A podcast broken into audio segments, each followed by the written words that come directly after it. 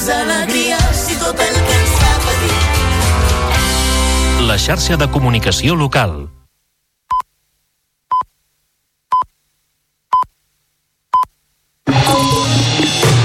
Notícies en xarxa, edició matí. Amb Taís Trujillo. Bon dia. Milers de pagesos continuen en peu de guerra i després de passar la nit a diferents eh, carreteres del país, aquest matí faran marxes lentes cap a Barcelona. Estan sortint en diferents columnes des de Lleida, la Catalunya Central, Girona, Tarragona i les Terres de l'Ebre, on s'han concentrat els talls dels tractors a vies principals com l'AP7, la 2, la C-17 i la C-16. Tenen l'objectiu de dur les seves reivindicacions fins a les portes de la Generalitat i reunir-se a primera hora de la tarda amb el president Pere Aragonès. Aragonès. Al manifest que li entregaran hi figuren greuges com la sequera, la crisi de preus i l'accés de burocràcia que consideren que és una asfíxia insuportable per al sector. Doncs així encapçalem el Notícies en xarxa d'aquest eh, dimecres 7 de febrer i de seguida connectarem en directe amb els companys de Molleros ATV que estan a l'A2 al seu pas per la Fondarella. Abans, i al punt de les 7 del matí, repassem també altres titulars de la jornada. Els bombers continuen treballant per intentar localitzar els tres desapareguts en l'esfondrament d'un edifici al carrer del Canigó de Badalona. L'Ajuntament assegura que l'immoble havia passat la darrera inspecció tècnica. La majoria dels veïns desallotjats han passat la nit a casa de familiars mentre continua la investigació sobre les causes del sinistre. Avui ha de declarar Dani Alves en el judici per agressió sexual en una discoteca de Barcelona. Serà el torn també per les proves pericials, les conclusions i els informes finals i el que es quedarà vist per a sentència. L'exjugador blaugrana s'enfronta a una pena de 12 anys de presó. La Junta de Fiscals del Tribunal Suprem rebutja per majoria l'informe del ponent contrari a investigar l'expresident Carles Puigdemont per terrorisme. Els dos fiscals en cap de la Junta eleven les seves discrepàncies a la tinent fiscal del Suprem, que serà qui ho acabarà resolent. En esports, eh, Ricky Rubio tornarà a vestir la samarreta del Barça 13 temporades després. El club ha inscrit al base del Masnou a la Lliga i a l'Eurolliga després que hagi signat contracte pel que resta de temporada. La seva reaparició a la pista, però, es farà esperar fins que el jugador ho consideri oportú. L'Animac torna del 15 al 18 de febrer a Lleida amb l'edició més diversa i inclusiva. Projectarà 179 films, 5 d'ells estrenes mundials i entre els diferents homenatges farà un reconeixement especial a la dibuixant catalana Roser Capdevila.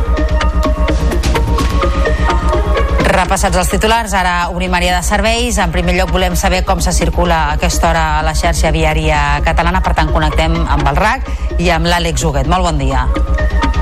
Molt bon dia. Continuen els talls en totes les vies que es van ocupar ahir al matí a la C16 a Sallent i Sant Fruitós del Bages, la C17 a Gurb, la P7 a l'Aldea o diferents punts de la demarcació de Lleida, especialment l'A2 a Golmés i Belllloc d'Urgell o també a Tarragona el tram de la P2 a Montblanc. A aquesta hora, però, aquests talls s'ajunten també amb algunes mobilitzacions que afecten sobretot la P7, per exemple, l'Ampolla cap a València amb el desviament per la sortida 39, el tram de Bàscares desviant per la sortida 5 i a Sant Julià de Ramis per la sortida 6. A banda d'això, destaquem un accident també a la P7, el tram de Massanet de la Selva cap a Girona, de moment amb un carril tallat i per ara retencions habituals a les rondes de Barcelona en sentit Llobregat. És tot des del RAC, molt bon dia.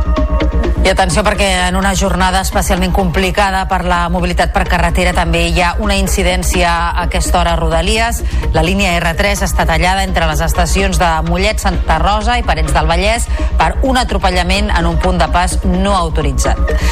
I repassat el trànsit, també la situació ferroviària. Ara anem amb la previsió del temps amb Lluís Miquel Pérez. Molt bon dia. Bon dia, comença el dimecres amb boira una altra vegada, sobretot a les comarques planes de Lleida. Aquesta boira força densa i força humida també. S'han format alguns núvols baixos o estones de boirina i tot. A les comarques de Girona, també entre el Maresme i el Vallès Oriental aproximadament, i a l'Alt Pirineu de moment aquest matí un cel més destapat. Fa més fresca també que matinades i matins enrere. Al llarg d'aquesta tarda, en canvi, temperatura que torna a pujar, estarem parlant una altra vegada de valors de 20 a 22 o 23 graus que arribarem a assolir a les Terres de l'Ebre i aquesta tarda els núvols de Girona es desfaran i les boires de Lleida s'aixecaran una miqueta. Per tant, millor visibilitat en aquesta banda plana de la terra ferma. Us seguirem a la xarxa. Notícies en xarxa, edició matí. Milers de pagesos es preparen per fer marxes lentes fins a Barcelona aquest matí després d'haver passat la nit en diferents punts de les carreteres catalanes. El sector està fent una autèntica demostració de força per denunciar la crisi que travessa i ho fa amb talls a les vies principals del país com són l'AP7, l'autovia 2, la C-17 i la C-16. La tracturada massiva que avui confluirà a la capital catalana ho faran diferents columnes procedents de Lleida, la Catalunya Central, Girona, Tarragona i les Terres de l'Ebre. Una unió de forces per dur el clam de la pagesia i la ramaderia contra els greuges pels preus, la sequera i la burocràcia excessiva que arrosseguen des de fa mesos. La marxa que fa preveure col·lapses importants a entrades com les avingudes Meridiana i Diagonal té previstes parades davant la seu de la Comissió Europea, la delegació del govern espanyol i la plaça de Sant Jaume. Un cop allí, els pagesos volen lliurar un manifest al president de la Generalitat, Pere Aragonès, amb qui es reuniran a primera hora de la tarda. Un manifest amb reivindicacions com aquestes no pot ser que aquesta burocràcia acabi eh, perjudicant els, beneficis, o sigui, el, els beneficis de les nostres empreses i, i, a més a més, portant una situació inassumible.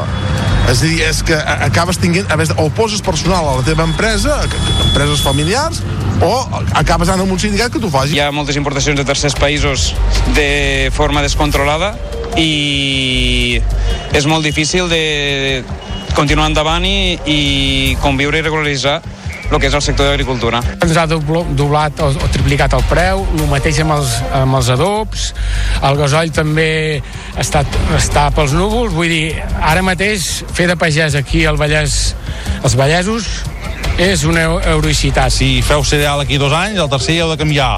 Uh, tot és una sèrie de coses que, hòstia, som pagesos, no som enginyers de dir aquí hem de fer això, aquí hem de fer l'altre.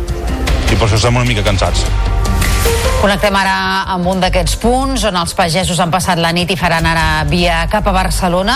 A l'A2, al seu pas per Fondarella, hi ha els nostres companys de Mollerussa de Televisió, el Miquel Àngel de Viu i el Nil Ortiz. Nil, molt bon dia. Estan els tractors ja a punt per sortir? Sí, sí, efectivament, com podeu sentir, els tractors fa uns minuts, tot just, acaben d'arrencar els motors i estan preparant per marxar aquesta llarga jornada cap a Barcelona, aquest viatge que faran, que arribaran des de diferents punts, amb les diferents columnes que confluiran a la capital del país. Després d'una nit freda en què molts pagesos, en què molts tractors han marxat cap a casa. Són molts els que han marxat, però encara també són força els que s'han quedat aquí. Alguns eh, s'han quedat aquí i continuaran, però molts altres també han arribat ara, com per exemple exemple, el Jordi, bon dia. Bon dia, bon dia. Per què aneu a Barcelona avui? Bueno, anem a Barcelona a fer sentir la nostra veu, ja que cony, el sector està molt malament, les administracions no estan per la feina i hem d'anar a donar un crit d'alerta perquè la pagesia, tal com està en aquests moments, s'està acabant. Quines mesures reclameu? Què, què seria important aplicar ràpidament ara? Bueno, a veure, jo vinc d'una zona també com molt més complicada, vinc de les Garrigues del Vilosell i allà ho han perdut tot, han perdut el cereal, l'ametller, la vinya i no s'ha fet ni una oliva. Eh, en, to, en tot l'any no ens serà ni un dur els pagesos de la zona de Vilosell, la Pobla Cèrvols, Vall Clara, a la part de l'Albi, una part de Vinaixa. Clar, eh, si en tot l'any no entra ni un ingrés de l'agricultura, eh, això és molt difícil de superar-ho què, què haurien de fer perquè els pagesos de la vostra zona, per exemple, amb les vostres afectacions, poguessin tirar endavant i garantir un futur per al sector de la pagesia? Bueno, es va prometre una sèrie d'ajudes per la sequera, només ha arribat una ajuda petita a l'Anmeia, però de l'Oliver, la vinya, el cereal, encara no sabem res, i clar, és lògic que quan necessitem els diners és ara que ens hem quedat sense, no d'aquí uns mesos que cobrem o d'aquí un any. Perfecte. Ponent eh, va, va marcar el pols d'una jornada reivindicativa d'empoderament pel sector. Avui, aquí a Fondarella, també es marca l'inici d'una jornada que anirà cap a Barcelona per fer sentir la veu dels pagesos de Catalunya que reclamen mesures urgents davant de la crisi que viu el sector. Nil Ortiz, companys de Mollerussa TV, gràcies per aquesta connexió en directe quan estan ja els tractors preparats per sortir en marxa cap a Barcelona i continuar la protesta que van iniciar ahir. Bon dia. I el govern eh, mostra màxima comprensió amb els pagesos i els ramaders i considera les seves reivindicacions legítimes i necessàries. Pel que fa a l'accés de burocràcia, l'executiu obrirà una finestreta per gestionar la paperassa entre el sector primari i l'administració. I d'altra banda, pel que fa a la lluita contra la sequera, el govern també ha anunciat una nova inversió de 122 milions d'euros que els municipis podran invertir en obres d'abastament i de sanejament. Mentrestant, el conseller d'Acció Climàtica, David Mascort, ha defensat al Parlament la gestió de la sequera. Ha comparegut en comissió i ha assenyalat que l'executiu ha actuat amb temps, amb dades i de manera planificada. Aconseguir, diu, endarrerir l'entrada en la fase d'emergència més d'un any la proporció d'ajut que ha fet aquest govern al sector primari és inigualable en tot el nostre entorn. No hi ha ningú que hagi fet el que ha fet aquest govern. Segur que és insuficient. De fet, no hi ha cap comunitat autònoma que hagi posat ni un euro d'ajut a cap pagès per la sequera. No hem aturat res del que estava fent el departament i, a més a més, fem la gestió de la sequera. Seguim amb tot el que tenim engegat. I si una cosa tenim és que complim allò que diem que farem.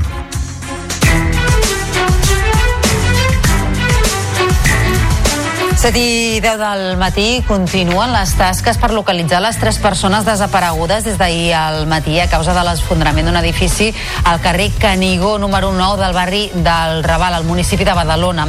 Els bombers van començar ahir a la tarda el desenromenament manual, peça a peça, a la recerca d'aquestes persones no localitzades. Ara per ara, però, els desapareguts no han estat trobats. Ens ho expliquen els companys de la televisió de Badalona. Tot i no haver-hi cap víctima mortal confirmada, hi ha tres persones desaparegudes i la hipòtesi principal, segons govern municipal i veïns, és que podrien ser dins. L'alcalde Xavier García Albiol assegura que els veïns li haurien confirmat que l'edifici estava en bones condicions i que hauria passat una inspecció tècnica fa poques setmanes. També ha assegurat que els afectats tenen garantida una alternativa habitacional. Fa qüestió d'unes setmanes, al mes de gener, si no m'equivoco, van passar la inspecció tècnica i això doncs és una dada important. En l'Ajuntament no consta cap expedient urbanístic d'afectació ni de denúncia per, per obres il·legals o, o per qualsevol altre eh, fet. Com a mínim nosaltres tenim eh, garantit, tenim contractat com a Ajuntament un servei mínim de dues nits, però evidentment que no deixarem a ningú penjat. Segons bombers, s'ha arribat a acumular fins a 90 metres cúbics de runa. Professionals de la Creu Roja, serveis d'emergències mèdiques i psicòlegs han atès a totes les famílies afectades. Els Mossos d'Esquadra tenen en marxa a aquesta hora un dispositiu conjunt amb la Policia Nacional contra un grup criminal investigat per delictes contra el patrimoni. S'estan fent registres al barri del Congrés de Barcelona i també de Montcada i Reixac al Vallès Occidental. És un operatiu contra delinqüents comuns multireincidents i també més especialitzats. Dani Alves ha de declarar avui al judici on s'enfronta fins a 12 anys de presó per violar una noia al bany d'una discoteca de Barcelona. Avui també compareixen els pèrits i psicòlegs i els metges forenses que hauran d'acreditar si les ferides de la denunciant són compatibles amb una agressió sexual.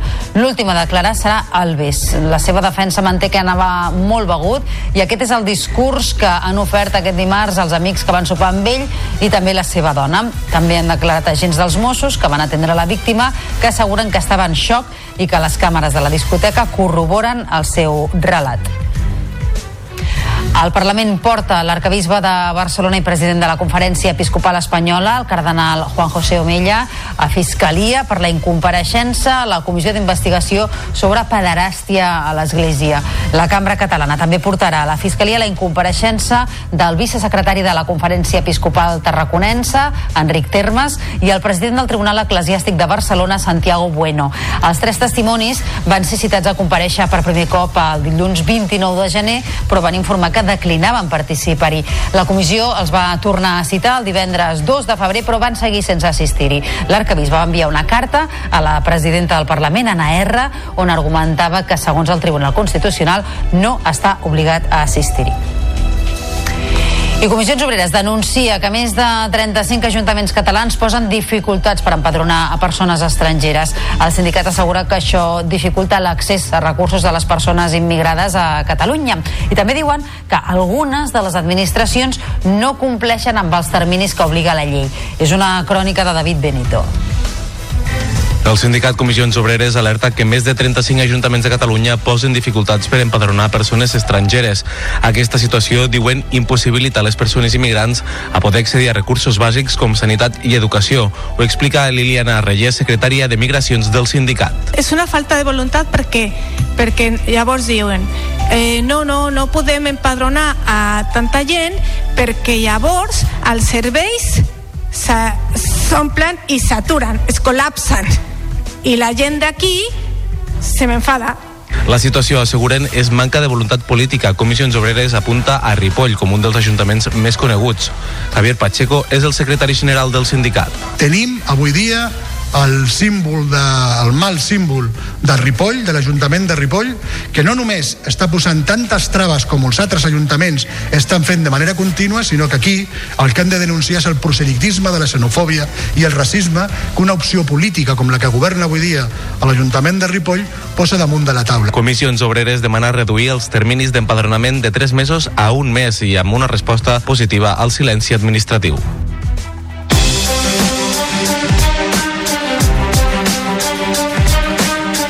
Fiscalia del Tribunal Suprem veu indicis de terrorisme en la causa de Tsunami Democràtic. 12 dels 15 fiscals que conformen la Junta han rebutjat l'informe del seu company Álvaro Redondo que suposava investigar Carles Puigdemont per terrorisme en aquesta causa. La posició de la Fiscalia respon a la petició perquè el Suprem es quedi la causa i investigui per terrorisme Puigdemont, Marta Rovira, Rubén Wagensberg i nou persones més. Davant les discrepàncies dels dos fiscals en cap de la Junta, les han elevat a la seva superior jeràrquica, que és la tinent fiscal del Suprem, que serà qui finalment les resolgui. El Consell de Ministres ha aprovat la pujada del salari mínim interprofessional fins als 1.134 euros. Aquest increment va acompanyar d'una modificació de l'IRPF per evitar que els beneficiats per la pujada hagin de pagar l'impost. Ens ho explica el David Navarro. En total, la pujada suposa un increment del 5% i des que la coalició va arribar a l'executiu, l'SMI ha passat dels 736 als 1.134 euros mensuals.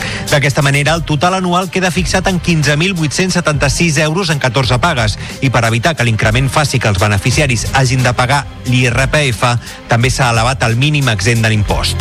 La vicepresidenta segona i ministra de Treball, Yolanda Díaz, s'ha felicitat per la reforma. Soy muy consciente que queda camino por recorrer y que todavía estamos alejados de las medias salariales europeas, pero es verdad que se va estrechando y reduciendo esa desigualdad y hoy España es un país mejor. Percibir 398 euros al mes más en las economías domésticas es un paso de gigante. Yolanda Díaz ha defensat que les primeres beneficiades per l'increment seran les dones, dues de cada tres. El Consell de Ministres també ha aprovat una modificació normativa que prohibirà que els empresaris redueixin les hores dels contractes a temps parcial amb l'objectiu de reduir els salaris dels treballadors. El Congrés dels Diputats ha aprovat la proposició de llei del Parlament de Catalunya per garantir caixers automàtics als municipis rurals amb risc d'exclusió financera. El text estableix que per garantir el dret d'accés als serveis bancaris de proximitat, els municipis i els barris que no disposen de caixers automàtics i que es consideren en risc d'exclusió bancària han de disposar com a mínim d'un caixer al terme municipal que permeti retirar diners, pagar rebuts o tributs, consultar els moviments i el saldo i obtenir extractes, així com també fer transferències bancàries. I marxem ara cap a Terrassa perquè la Universitat Politècnica de Catalunya ha presentat un nou material de construcció que està cridat a revolucionar el sector. Desenvolupat pel grup de recerca en tecnologia tèxtil, el material es fabrica amb residus de roba usada. Ens ho expliquen des de Canal Terrassa. S'equipara el fibrociment, però en lloc de fibres d'amiant, que són cancerígenes, fa servir fibres tèxtils de residus de roba usada. El resultat, un material molt més resistent i flexible, ignífug i amb menys impacte medioambiental. Economia circular que evita l'acumulació de residus tèxtils en abocadors o la seva crema amb la corresponent emissió de diòxid de carboni. Separem aquestes fibres, les recuperem i després amb aquestes fibres tornem a fer una estructura tèxtil que podem incorporar en el material eh, de ciment. Les proves al laboratori fan evident la diferència entre una ceràmica convencional que es trenca amb un mínim impacte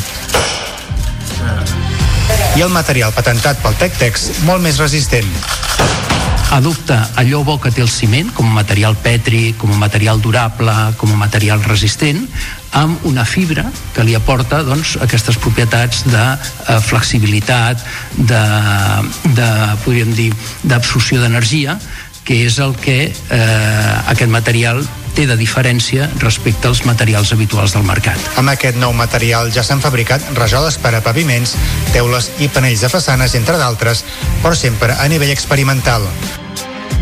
Thank you.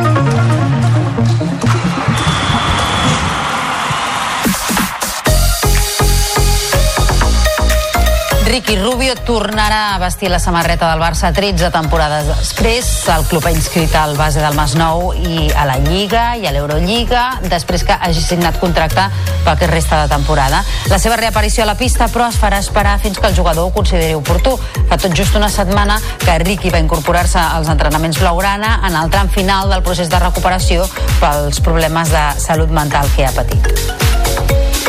I el Joventut es juga avui la possibilitat de disputar els vuitens de final de l'Eurocup a Badalona. La penya tanca la fase de grups a les 6 de la tarda a Riga, on juga com a local el Prometei ucraïnès. Un triomf permetria als vertinegres jugar-se l'accés als quarts a l'Olímpic en una eliminatòria a partit únic. La prèvia de Televisió de Badalona és de Xavi Ballesteros. Els de Carles Duran tenen molt clar que no volen especular i que l'objectiu és assolir la victòria. Si guanyen, obtindran automàticament la quarta posició, que els dona dret a jugar a Badalona l'eliminatòria de vuitens, que és a partit únic. En cas de perdre, hauria de fer-ho de menys de 4 punts, perquè si no acabaria cinquè o sisè classificat i tindria totes les eliminatòries amb el factor pista en contra. Per molt que no hi ha molt de soroll en el partit, per nosaltres és molt important per afrontar el que, el que espera l'Eurocup i si volem fer uh, coses especials en la competició, doncs sabem que aquest tipus de partits uh, són els que et marquen la, el rumb de la competició i esperem estar concentrats, en fent la nostra feina i, i ser conscients de la, de la importància. L'equip ucraïnès juga a la capital de Letònia des de que va començar el conflicte bèl·lic entre Rússia i Ucraïna. La pressió ambiental al pavelló no existeix, perquè l'afició que hi va és letona i no és el seu equip. Difícilment s'omplirà el pavelló. El Bran noruec serà el rival del Barça als quarts de final de la Champions femenina. L'anada es disputarà a Bergen el 20 de març i la tornada al Johan Cruyff el dia 28. En cas de superar l'eliminatòria, el rival a les semifinals seria el guanyador del duel entre l'Ajax i el Chelsea amb l'anada a casa i la tornada a domicili. Les de Giraldez, per tant, eviten els rivals més potents, l'Olímpic de Lió i el PSG fins a una hipotètica final. Tot i així, Caroline Graham Hansen avisa del potencial de l'equip noruec. Han hecho un fase de grupo espectacular. Eh, estoy muy contenta por ellos porque es un equipo noruego que por mm, desde muchos años no hemos tenido ni- ningún equipo de finales de, de competición. Sabemos que cuartos nunca es fácil y tenemos que estar concentrados y jugar bien si queremos eh, ir a por el semis. El repte més immediat per a les Blaugrana és la Copa de la Reina. Aquest vespre, a dos quarts de vuit, reben el Sevilla en els quarts de final que es disputen a partit únic. L'equip andalús encadena 10 partits sense perdre i és sisè a la Lliga F. La darrera derrota va ser precisament per 8 a 0 davant les de Jonathan Giraldez. L'entrenador avisa, però, que no es poden relaxar. És cert que la nostra victòria aquí a casa va ser una victòria molt abultada, però han canviat eh, totalment la, la seva dinàmica. És cert que han canviat algunes jugadores també dins del seu 11, potser prioritzen una mica més fases de, de possessió, fases més llargues en pilota, i després està en un bo, molt bon estat de forma. És una competició que, que la volem guanyar, que és un partit únic, que juguem, juguem a casa davant de la, de la nostra afició i hem de fer un gran partit. I ja ha quedat definit el quadre de la Copa del Rei d'Hockey Patins, que es disputarà a Calafell del 7 al 10 de març. El duel més destacat dels quarts de final serà el que enfrontarà el Barça i el Reus Deportiu. Qui guanyi es trobarà en semifinals amb el vencedor del Voltregà Igualada. A l'altra banda del quadre es disputaran els duels Noia Calafell i Sant Just al Coi. El blaugrana Ignacio Alabart analitza l'encreuament davant els roig i negres i l'entrenador del Noia, Pere Bàries, el duel contra els anfitrions, el Calafell. Partido vida o muerte contra seguramente el principal rival histórico del club y la verdad es que, bueno, eh, a pesar de que está en una temporada algo, algo rara son un rival súper competitivo, con jugadores con muchísima calidad, con experiencia, que saben muy bien a lo que juegan, con una afición que se desplazarà, bueno, partido de máxima tensión, máxima rivalidad. Amb sinceritat no era, no era el rival desitjat, però com diu Ferran, el sorteig no, no el controlem, ens toca el Calafell, doncs vindrem amb l'objectiu de classificar-nos per les semis, sent conscients de la, de la dificultat que tindrem. A l'hoquei Lliga Femenina d'Hoquei Patins, avui es juguen quatre partits avançats de la jornada 15. El Vilassana visita la pista de les Rozas, el Manlleu juga a la Corunya i el Voltregà s'enfronta al Telecable. El Mataró, vuitè, rep el Fraga amb la intenció d'escalar posicions. Tots els partits començaran a les 9 de la nit.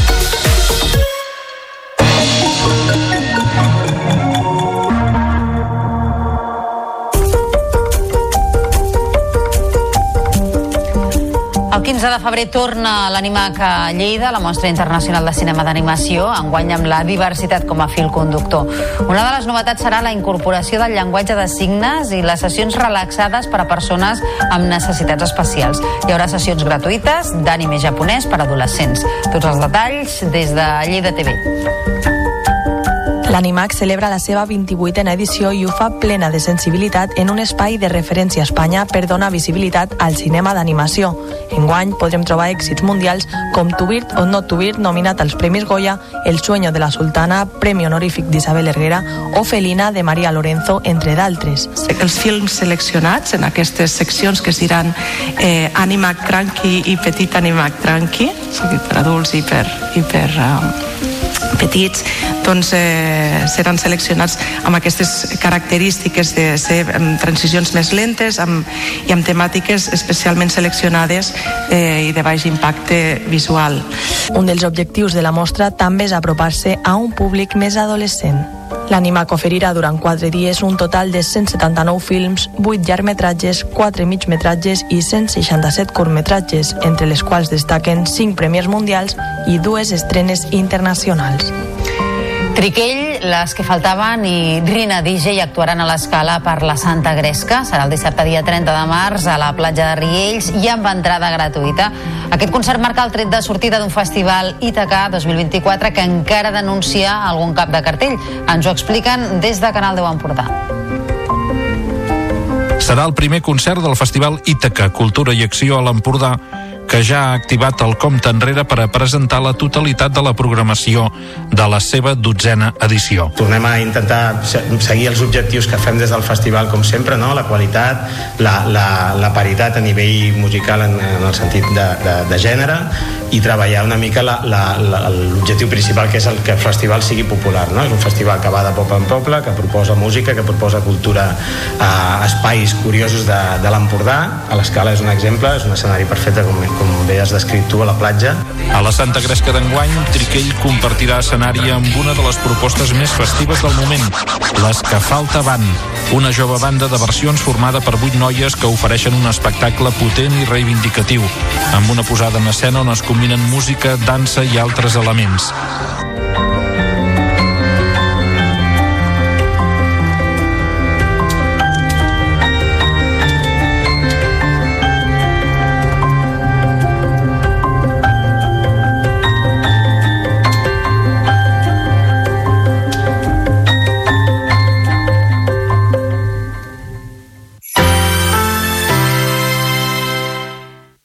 La xarxa de comunicació local. Torna al Festival Subtraveling. Inspira't en els grans, roda el teu curt i participa a Roda a TMB. Pots guanyar un viatge a Seul, una càmera professional, entre altres premis de cine. Més informació a subtravelingfestival.tmb.cat. Torna la Magic Line del Sant Joan de Déu. Feu un equip d'entre 4 i 20 persones, marqueu-vos un repte econòmic solidari i trieu el vostre recorregut. El 17 de març caminarem per qui més ho necessita. Inscriu-te a magiclinesjd.org. Som el que compartim.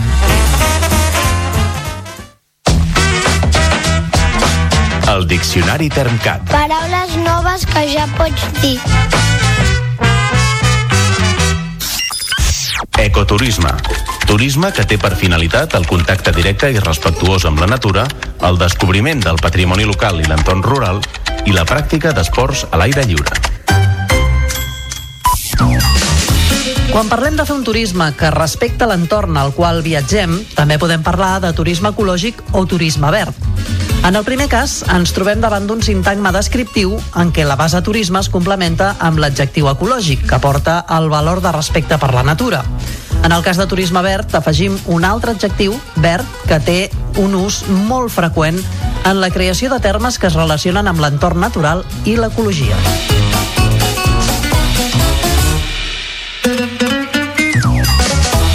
Les paraules noves t'agraden, no et pots perdre el podcast Paraules Habitables a la xarxa Més. Una producció de la xarxa i el Termcat.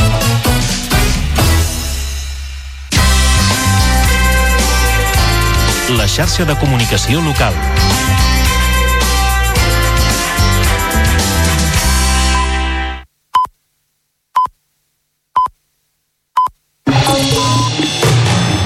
Notícies en xarxa, edició matí. Amb Taís Trujillo. Bon dia, són dos quarts de vuit del matí i avui al Notícies en xarxa estem pendents dels pagesos que continuen en peu de guerra i després de passar la nit a diferents carreteres del país, aquest matí faran marxes lentes cap a Barcelona. Estan sortint en diferents columnes, des de Lleida, la Catalunya Central, Girona, Tarragona i les Terres de l'Ebre, on s'han concentrat els talls dels tractors a vies principals com l'AP7, la 2, la C-17 i la C-16. Tenen l'objectiu de dur les seves reivindicacions fins a les portes de la Generalitat i reunir-se primera hora de la tarda amb el president Pere Aragonès. Al manifest que li entregaran hi figuren greuges com la sequera, la crisi de preus i l'accés de burocràcia que consideren que és una asfíxia insuportable per al sector. De seguida us ho ampliarem perquè connectarem en directe amb un d'aquests punts i també parlarem amb Carles Vicente, que és el responsable d'organització d'Unió de Pagesos. Abans, però, repassem altres titulars d'aquest eh, dimecres 7 de febrer. Els bombers han localitzat un cadàver a les runes de l'edifici esfondrat ahir al carrer del Canigó de Badalona i continuen buscant les altres dues persones desaparegudes. L'Ajuntament assegura que l'immoble havia passat la darrera inspecció tècnica. La majoria dels veïns desallotjats han passat la nit a casa de familiars mentre continua la investigació sobre les causes del sinistre. Avui ha de declarar Dani Alves en el judici per agressió sexual en una discoteca de Barcelona. Serà el torn també per les proves pericials, les conclusions i els informes finals i el cas quedarà vist per a sentència. L'exjugador blaugrana s'enfronta a una pena de 12 anys de presó. La Junta de Fiscals del Tribunal Suprem rebutja per majoria l'informe del ponent contrari a investigar l'expresident Carles Puigdemont per terrorisme. Els dos fiscals en cap de la Junta eleven les seves discrepàncies a la tinent fiscal del Suprem, que serà qui ho acabarà resolent. En esports, Ricky Rubio tornarà a vestir la samarreta del Barça 13 temporades després. El club ha inscrit el base del Masnou a la Lliga i a l'Eurolliga després que hagi signat contracte pel que resta de temporada. La seva reaparició a la pista, però, es farà esperar fins que el jugador ho consideri oportú. I en Cultura l'Animac torna del 15 al 18 de febrer a Lleida amb l'edició més diversa i inclusiva. Projectarà 179 films, 5 d'ells estrenes mundials, i entre els diferents homenatges farà un reconeixement especial a la dibuixant catalana Roser Capdevila.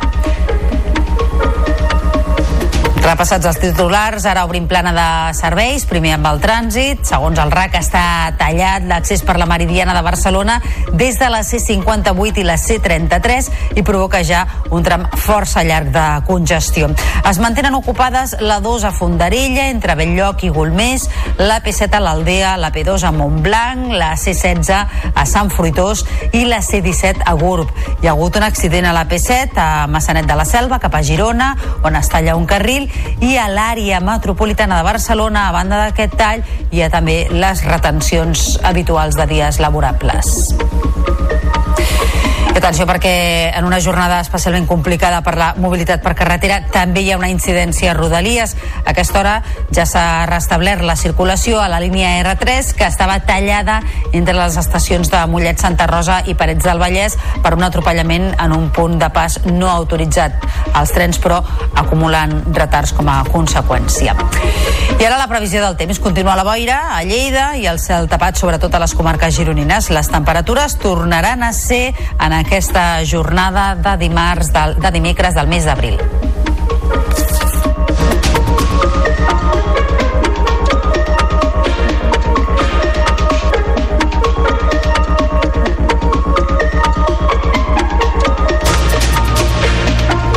Notícies en xarxa, edició matí.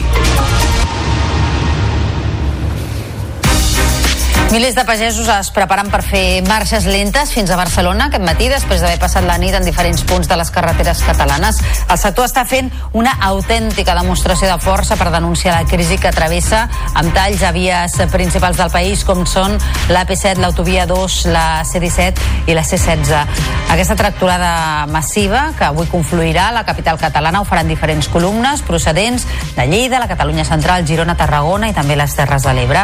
Una unió de forces per dur el clam de la pagesia i la ramaderia contra els greuges dels preus, la sequera i la burocràcia excessiva que arrosseguen des de fa mesos. La marxa, que fa preveure col·lapses importants a entrades com les avingudes Meridiana i Diagonal, té previstes parades davant la seu de la Comissió Europea, la delegació del govern espanyol i la plaça de Sant Jaume.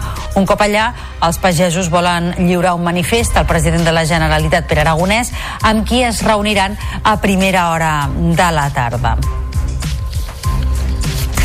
I connectem ara amb un d'aquests punts on els pagesos han passat la nit i ja fan via cap a Barcelona, a l'A2, al seu pas per Fondarella, i els nostres companys de Mollerussa Televisió, el Miquel Àngel de Viu i el Nil Ortiz. Nil, hola de nou, bon dia. Bon dia, doncs sí, fa uns minuts us dèiem que els, que els tractors començaven a arrencar els motors, ara mateix ja cosen rumb cap a Barcelona. Són molts els tractors i els pagesos que han passat la nit aquí, però encara són molts més els que han decidit marxar cap a casa. Ara, però, aquest matí han tornat i ja són uns centenars de tractors que posen rumb a la capital per fer sentir la meva veu. Molts pagesos amb situacions diverses, com les que ens explicava fa uns minuts el pagès Jordi Noguer. Vinc de les Garrigues del Vilosell i allà ho han perdut tot, han perdut el cereal, la mella, la vinya i no s'ha fet ni una oliva. Si en tot l'any no entra ni un ingrés de l'agricultura, eh, això és molt difícil de superar-ho. Es va prometre una sèrie d'ajudes per la sequera, només ha arribat una ajuda petita a l'enmeia, però de l'oliver, la vinya, el cereal, encara no sabem res, i clar, és lògic que quan necessitem els diners és ara que ens hem quedat sense, no d'aquí uns mesos que cobrem o d'aquí un any. Ponent va marcar el pols de les mobilitzacions d'ahir, una jornada reivindicativa i d'empoderament pel sector que va prendre múscul i avui decideix anar a la capital per fer sentir la seva veu. Aquí, a Fondarella, ara mateix estan seguint el camí per anar cap a Barcelona i poder explicar aquestes mesures que demanen urgents per una crisi que viu el sector des de fa temps i que ara ja està sent insostenible. Companys de Mollerussa TV, gràcies per aquesta connexió en directe des de Fondarella. Molt bon dia, fins després. I per tal de saber com ha de transcorre la protesta d'avui dels pagesos de Lleida, la Catalunya Central, Tarragona i Girona, i també per fer balanç de la jornada de mobilitzacions d'ahir, establim ara connexió amb Carles Vicente, que és el responsable d'Organització d'Unió de Pagesos. Senyor Vicente, molt bon dia. Hola, bon dia. Com ha anat dient al llarg del matí, avui és la jornada en la que han d'arribar a Barcelona per dur les seves eh, protestes a davant de tres administracions públiques diferents, l'europea, l'espanyola i la de la Generalitat. Correcte. A les tres, per què les tres? Perquè les tres tenen que veure amb el que és la nostra gestió. A vegades les coses, a vegades diem que les decidim a Europa, però escolteu, venen, se debaten al Ministeri, a la Conselleria recull també les propostes a lo que li pertoca, van a Europa, es defensin i després s'apliquen i qui les aplica, l'últim que les aplica a vegades és a la conselleria injustament és qui ha de rebre les bufetades però hi ha hagut el debat primer d'haver decidit què fem, per tant jo crec que hem de senyalar a tot al llarg de les decisions on se prenen i com se prenen. Uh -huh. Aquesta tarda hi ha prevista una trobada eh, amb el president de la Generalitat, Pere Aragonès, que és el que li diran exactament. Sí, bé, li direm el que portem molt de temps ja dient-li, molts anys, um, d'una manera o d'una altra, a vegades ha sigut esclats pel tema de costos, a vegades ha sigut esclats per la sequera, a vegades ha sigut per la burocràcia, portem mobilitzant-nos fa molt temps del sector agrari i crec que avui fa palesa des d'ahir, òbviament, i tots aquests dies el el, el caliu que s'ha creat. Això és molt positiu i això és ficar-ho a l'agenda política. Quan nosaltres diem ficar-ho a l'agenda política vol dir això, que en aquest cas el president de Catalunya se'ns faci palesa, per tant, aquí hem de continuar la fenya per poder millorar aquests processos per poder arribar a quins són els objectius i si són assumibles per la pagesia i la ramaderia. Uh -huh. I al final és tan senzill com això. I transmetre-ho al Ministeri, transmetre-ho a Europa i que de retorn se faci bé. No som aïllats, no som els catalans els que no sabem eh, entomar la burocràcia, no som els catalans que no sabem necessitar. És tota la pagesia, per tant hi ha moltes coses a parlar i no depenen d'una un, sola eh, conselleria o departament. Quin marge de maniobra té la Generalitat eh, ara per ara amb aquestes reivindicacions que vostès estan impulsant per generar millores al, al sector primari? Bé, la, la Generalitat ne pot fer moltes, les que estiguis a la part. Ara escoltava aquest company del Vilosell. És cert, hem lluitat, hem sortit, hi havia unes bones propostes de donar un ajut. Encara hi són, i els ajuts vindran. Dius, ostres, que la, la, la Generalitat, la, el Departament, ha de ser tan pesat, vull dir, tan farragós, bellugar les, les eines a l'administració pública perquè sigui ràpid, bueno, doncs fem-nos-ho mirar. Val? Això és important perquè fas una cosa positiva i l'impacte a vegades és negatiu quan és positiu, perquè rebre ha sigut l'única conselleria a nivell d'estat que ha ficat ajuts a la pagesia, per tant, això és molt positiu. Bé, hem de ficar un valor. La simplificació de l'administració, escoltava el conseller, cert, hi ha un grup de treball i som però bueno, hem de ser més àgils. No podem pensar que tot ho fem bé perquè si ens pensem que partim del punt de partida és que tots ho estem fent i simplificant el màxim possible no avançarem, per tant partim del punt de partida que poder no ho fem prou bé que poder no tenim l'atenció que teníem fa 20 anys, no sé per què però no la tenim, per tant eh, potser hem de recuperar aquella atenció hem de veure aquell, aquell tracte, aquell acompanyament intentar veure què és el que podem fer per ficar la, la, la vida com a mínim més planera. Vull dir, l'agricultura no som uns desaprensius que no volem fer res i volem fer el que ens doni la gana, al contrari, però sí que tenim moltes, moltes influències que no, no depenen només de nosaltres. Estarem pendents d'aquesta protesta avui que ha d'arribar a Barcelona. Carles Vicente, responsable d'Organització d'Unió de Pagesos, gràcies per haver-nos eh, parlat avui al Notícies en xarxa d'aquestes reivindicacions. Molt bon dia. Pues gràcies a vosaltres, adeu-siau i bon dia. Adéu. El govern, de fet, el que fa és mostrar màxima comprensió amb els pagesos i els ramaders i considera les seves reivindicacions legítimes i necessàries. Pel que fa a l'accés de burocràcia, l'executiu obrirà una finestreta per gestionar la paperassa entre el sector primari i l'administració. I d'altra banda, pel que fa a la lluita contra la sequera, l'executiu també ha anunciat una nova inversió de 122 milions eh, d'euros que els municipis podran invertir en obres d'abastament i de sanejament. I mentrestant, el conseller d'Acció Climàtica, David Mascort, ha defensat al Parlament la gestió de la sequera. El conseller, que ha comparegut en comissió, ha assenyalat que l'executiu ha actuat amb temps, amb dades i de manera planificada, aconseguint, diu, endarrerir l'entrada en la fase d'emergència més d'un any. La proporció d'ajut que ha fet aquest govern al sector primari és inigualable en tot el nostre entorn. No hi ha ningú que hagi fet el que ha fet aquest govern. Segur que és insuficient. De fet, no hi ha cap comunitat autònoma que hagi posat ni un euro d'ajut a cap pagès per la sequera. No hem aturat res del que estava fent el departament i, a més a més, fem la gestió de la sequera. Seguim amb tot el que tenim engegat. I si una cosa tenim és que complim allò que diem que farem.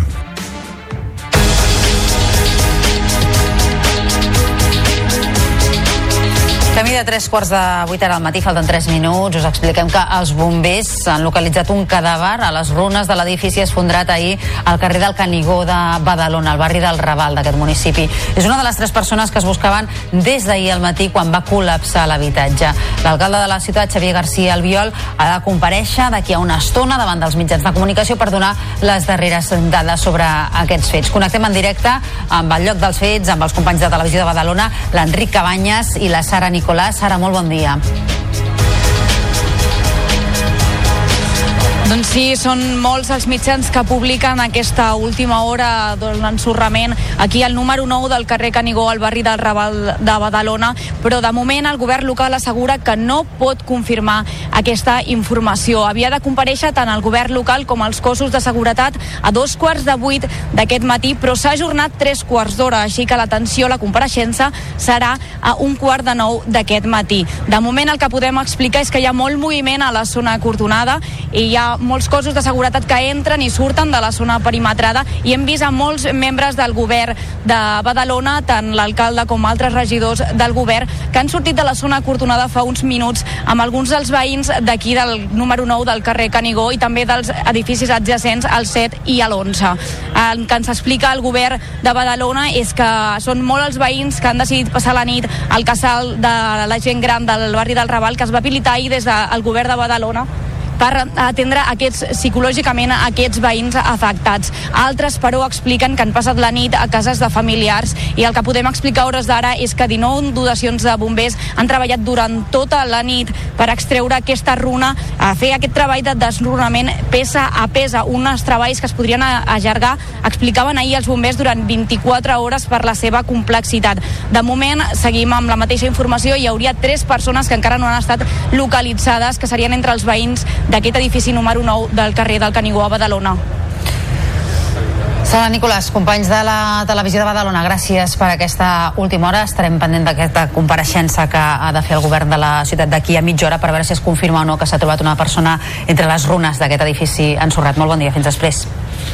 I els Mossos d'Esquadra tenen en marxa a aquesta hora un dispositiu conjunt amb la Policia Nacional contra un grup criminal investigat per delictes contra el patrimoni. S'estan fent registres al barri del Congrés de Barcelona i també a Montcada i Reixac, al Vallès Occidental. És un operatiu contra delinqüents comuns multireincidents i també més especialitzats. I Dani Alves ha de declarar avui al judici on s'enfronta fins a 12 anys de presó per violar una noia al bany d'una discoteca de Barcelona. Avui també compareixen els pèrits psicòlegs i els metges forenses que hauran d'acreditar si les ferides de la denunciant són compatibles amb una agressió sexual. L'última a declarar serà Alves. La seva defensa manté que anava molt begut i aquest és el discurs que han ofert aquest dimarts als amics que van sopar amb ell i també la seva dona. També han declarat agents als Mossos que van atendre la víctima que asseguren que estava en xoc i que les càmeres de la discoteca corroboren el seu relat. El Parlament porta l'arcabisbe de Barcelona i president de la Conferència Episcopal Espanyola, Joan Josep Omella, a Fiscalia per la incompareixença a la Comissió d'Investigació sobre pederàstia a l'Església. La Cambra Catalana també portarà a la Fiscalia la incompareixença del vicesecretari de la Conferència Episcopal Tarraconense, Enric Termes, i el president del Tribunal Eclesiàstic de Barcelona, Santiago Bueno. Els tres testimonis van ser citats a compareixer per primer cop el dilluns dia 29 de gener, però van informar que que declinaven participar-hi. La comissió els va tornar a citar el divendres 2 de febrer, però van seguir sense assistir-hi. L'arcabisbe va enviar una carta a la presidenta del Parlament, Anna R, on argumentava que, segons el Tribunal Constitucional, no està obligat a assistir-hi. I una família ha denunciat als Mossos d'Esquadra l'agressió del seu fill que té autisme a l'escola Jesuïtes del Clot de Barcelona. El centre ha activat el protocol que marca el Departament d'Educació en casos com aquest, però els pares del menor lamenten que estiguin apartant el seu fill dels agressors en lloc de fer-ho a l'inrevés. El Consorci d'Educació de Barcelona està fent seguiment del cas. BTV ha recollit el testimoni de la parella. En Jordi i la Marta, pares del menor, van denunciar els fets davant dels Mossos el mateix dia que el seu fill els va explicar que havia estat agredit per dos companys de classe. Diuen que va arribar a casa molt nerviós i amb un atac d'ansietat. El van estar pagant, eh, trepitjant, arrastrant per terra i quan va venir algun alumne que sortia del vestuari també, en aquells moments va ser quan ells van deixar d'actuar i van marxar i se'n van anar a l'altra punta. No sabem si això és que eh, els protocols s'estan aplicant malament des de l'escola o potser és que el consorci no dona les instruccions correctes. En vez de separar els agressors de l'agredit, que és el nostre fill, doncs el que han fet és separar l'agredit, o sigui, el nostre fill. Amb aquesta situació no es pot viure. Si continua això sí, el nen no voldrà ni sortir de casa. Els pares afirmen que el menor encara està molt afectat, que no vol anar a l'escola ni tampoc relacionar-se amb els companys.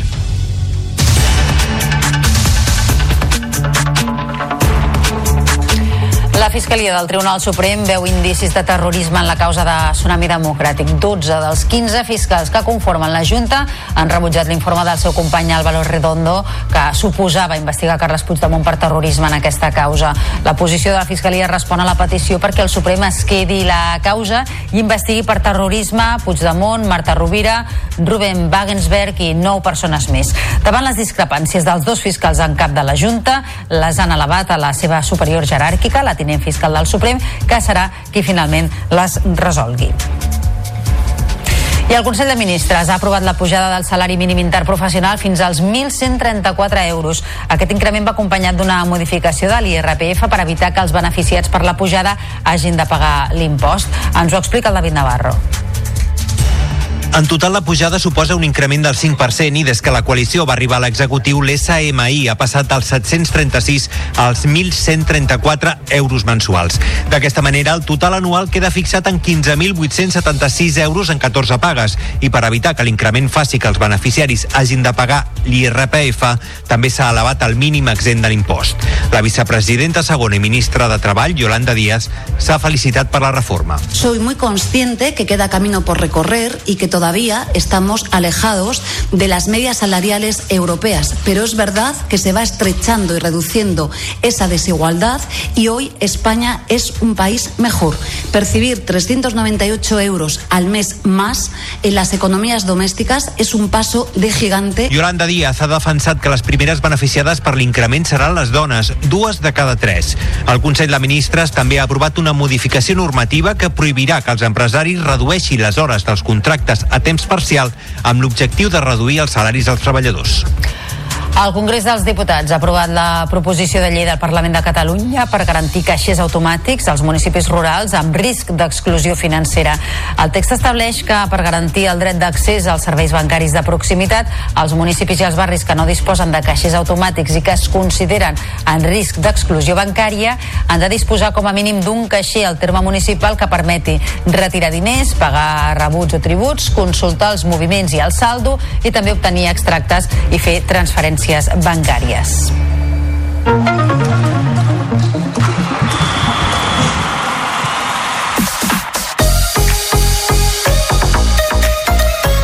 Ricky Rubio tornarà a vestir la samarreta del Barça 13 temporades després. El club ha inscrit el base del Masnou a la Lliga i l'Eurolliga després que hagi signat contracte pel que resta de temporada. La seva reaparició a la pista, però, es farà esperar fins que el jugador ho consideri oportú. Fa tot just una setmana que Ricky va incorporar-se als entrenaments blaugrana en el tram final del procés de recuperació per problemes de salut mental. I el Joventut juga avui la possibilitat de disputar els vuitens de final de l'Eurocup a Badalona. La penya tanca la fase de grups a les 6 de la tarda a Riga, on juga com a local el Prometei ucraïnès. Un triomf permetria als vertinegres jugar-se l'accés als quarts a l'Olímpic en una eliminatòria a partit únic. La prèvia de Televisió de Badalona és de Xavi Ballesteros. Els de Carles Duran tenen molt clar que no volen especular i que l'objectiu és assolir la victòria. Si guanyen, obtindran automàticament la quarta posició, que els dona dret a jugar a Badalona l'eliminatòria de vuitens, que és a partit únic. En cas de perdre, hauria de fer-ho de menys de 4 punts, perquè si no acabaria cinquè o sisè classificat i tindria totes les eliminatòries amb el factor pista en contra. Per molt que no hi ha molt de soroll en el partit, per nosaltres és molt important per afrontar el que, el que espera l'Eurocup i si volem fer uh, coses especials en la competició, doncs sabem que aquest tipus de partits uh, són el que et marquen la, el rumb de la competició i esperem estar concentrats, en fent la nostra feina i, i ser conscients de la, de la importància. L'equip ucraïnès juga a la capital de Letònia des de que va començar el conflicte bèl·lic entre Rússia i Ucraïna. La pressió ambiental al pavelló no existeix, perquè l'afició que hi va és letona i no és el seu equip. Difícilment s'omplirà el pavelló. El Brand noruec serà el rival del Barça als quarts de final de la Champions femenina. L'anada es disputarà a Bergen el 20 de març i la tornada al Johan Cruyff el dia 28. En cas de superar l'eliminatòria, el rival a la semifinal seria el guanyador del duel entre l'Ajax i el Chelsea amb l'anada a casa i la tornada a domicili. Les de Giraldez, per tant, eviten els rivals més potents, l'Olímpic de Lió i el PSG, fins a una hipotètica final. Tot i així, Caroline Graham Hansen avisa del potencial de l'equip noruec. Han hecho un paso de grupo espectacular. Eh, estoy muy contenta por ellos porque es un equipo noruego que mm, desde muchos años no hemos tenido ni- ningún equipo de finales de, de competición. Sabemos que cuartos nunca es fácil y tenemos que estar concentrados y jugar bien si queremos eh, ir a por el semis. El repte més immediat per a les Blaugrana és la Copa de la Reina. Aquest vespre, dos quarts de vuit reben el Sevilla en els quarts de final que es disputen a partit únic. L'equip andalús encadena 10 partits sense perdre i és sisè a la Lliga F. La darrera derrota de- va ser precisament el 8 a 0 davant de les de Jonathan Giraldez. L'entrenador avisa, però, que no es poden relaxar. És cert que la nostra victòria aquí a casa va ser una victòria molt abultada, però han canviat eh, totalment la, la seva dinàmica. És cert que han canviat algunes jugadores també dins del seu 11, potser prioritzen una mica més fases de, de possessió, fases més llargues en pilota, i després està en un mo- molt bon estat de forma. És una competició que, que la volem guanyar, que és un partit únic, que juguem juguem a casa davant de la, de la nostra afició i hem de fer un gran partit. I ja ha quedat definit el quadre de la Copa de la, del Rei d'hoquei patins, que es disputarà a Calafell del 7 al 10 de març. El duel més destacat dels quarts de final serà el que enfrontarà el Barça i el Reus Deportiu. Qui guanyi es trobarà en semifinals amb el vencedor del Voltregà Igualada. A l'altra banda del quadre es disputaran els duels Noia Calafell i Sant Just Alcoi. I Aitana Bonmatí va ser escollida millor esportista de l'any a la Festa de l'Esport Català, un nou reconeixement individual per la guanyadora de la pilota d'or i el Premi de Best, entre d'altres. En categoria masculina, el guardó va ser per al regatista Jordi Chamar, subcampió del món de la classe 470 mixt de vela. La gala també va premiar el Blaugrana, la Yamal, com a esportista amb més projecció, juntament amb l'atleta Sofia Santa Creu i la golfista Anna Canyadó. L'equip de waterpolo femení del Club Natació Sabadell va ser el guanyador en equips, mentre que el premi extraordinari va ser per a la pilot Laia Sant. Eh, Sobretot, jo crec que el meu secret és que disfruto molt fent el que faig. M'encanta posar-me reptes sempre. Eh, he fet trial, enduro, Dakar i, i no para això, per tant espero, espero seguir eh, complint somnis i, i continuarem treballant molt dur per, per seguir així. L'equip espanyol de natació sincronitzada amb les catalanes Iris Tió, Txell Mas i Paula Ramírez va aconseguir la plata en equip tècnic als Mundials de Natació de Doha. El combinat només va ser superat per l'equip xinès dirigit per Anna Tarrés.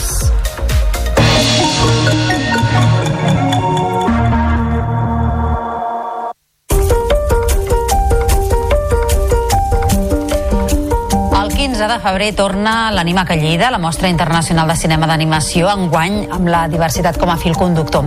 Una de les novetats serà la incorporació del llenguatge de signes i les sessions relaxades per persones amb necessitats especials. Tots els detalls des de Lleida TV.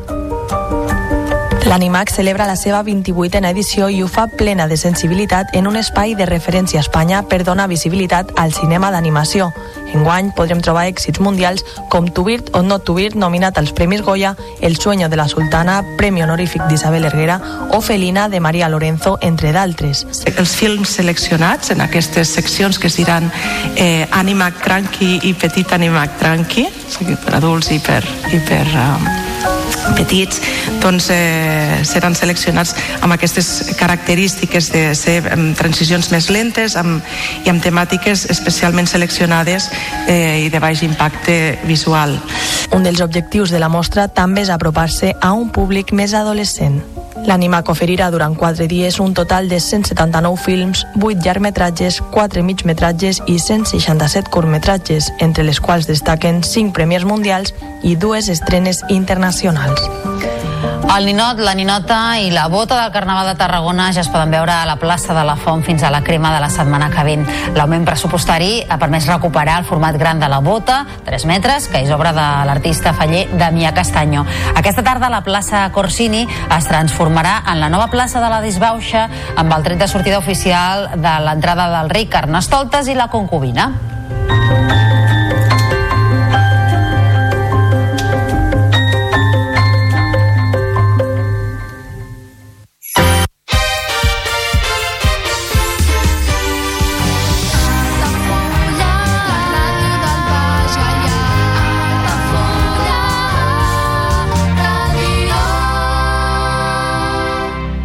Ja coneixes les propostes que t'ofereix el Club Marítim Altafulla? Vine i descobreix totes les nostres activitats. Sortides en caiac o pa del surf, cursos de vela per a totes les edats. No t'ho perdis. Club Marítim Altafulla. Obert tot l'any i per a tothom. Comunions 2024. Dates ja disponibles amb sales privades, jardí, pàrquing privat i la millor gastronomia. Més informació i reserves al 977 65 11 55 i a comercial arroba altafullamarotel.com o al web altafullamar.hotel.com. Les teves celebracions familiars a l'Altafulla Mar Hotel.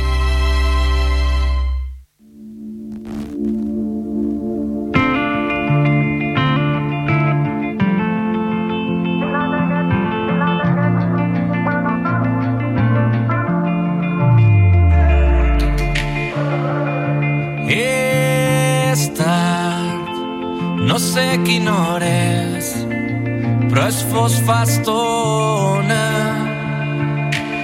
És fàcil veure que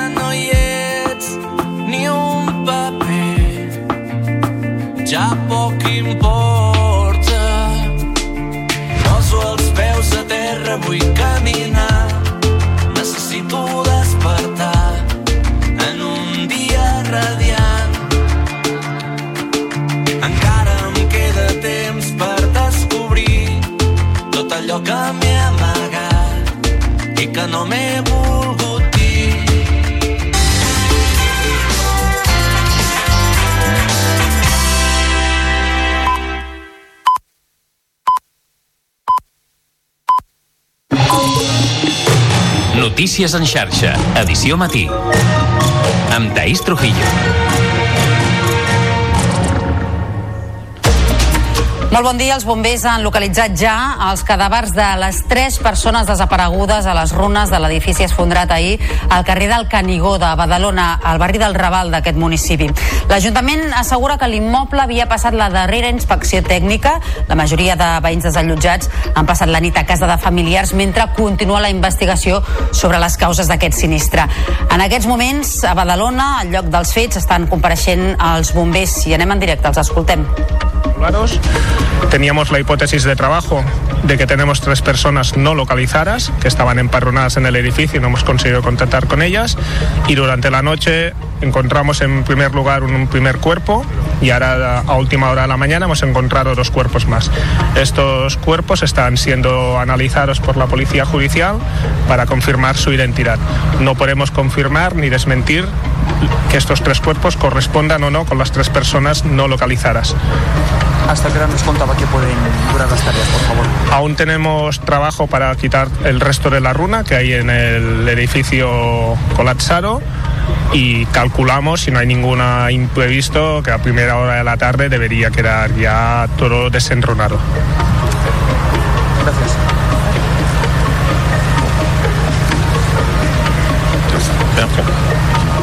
Doncs uh, són paraules en directe a Badalona, al barri del Raval, del responsable dels bombers del Portaveu, que explicava que efectivament s'hi han trobat tres cadàvers en aquest edifici que es va esfondrar ahir. El que no se sap encara és si aquestes tres persones corresponen a les tres persones que es buscaven perquè estaven empadronades en aquest mateix uh, immoble.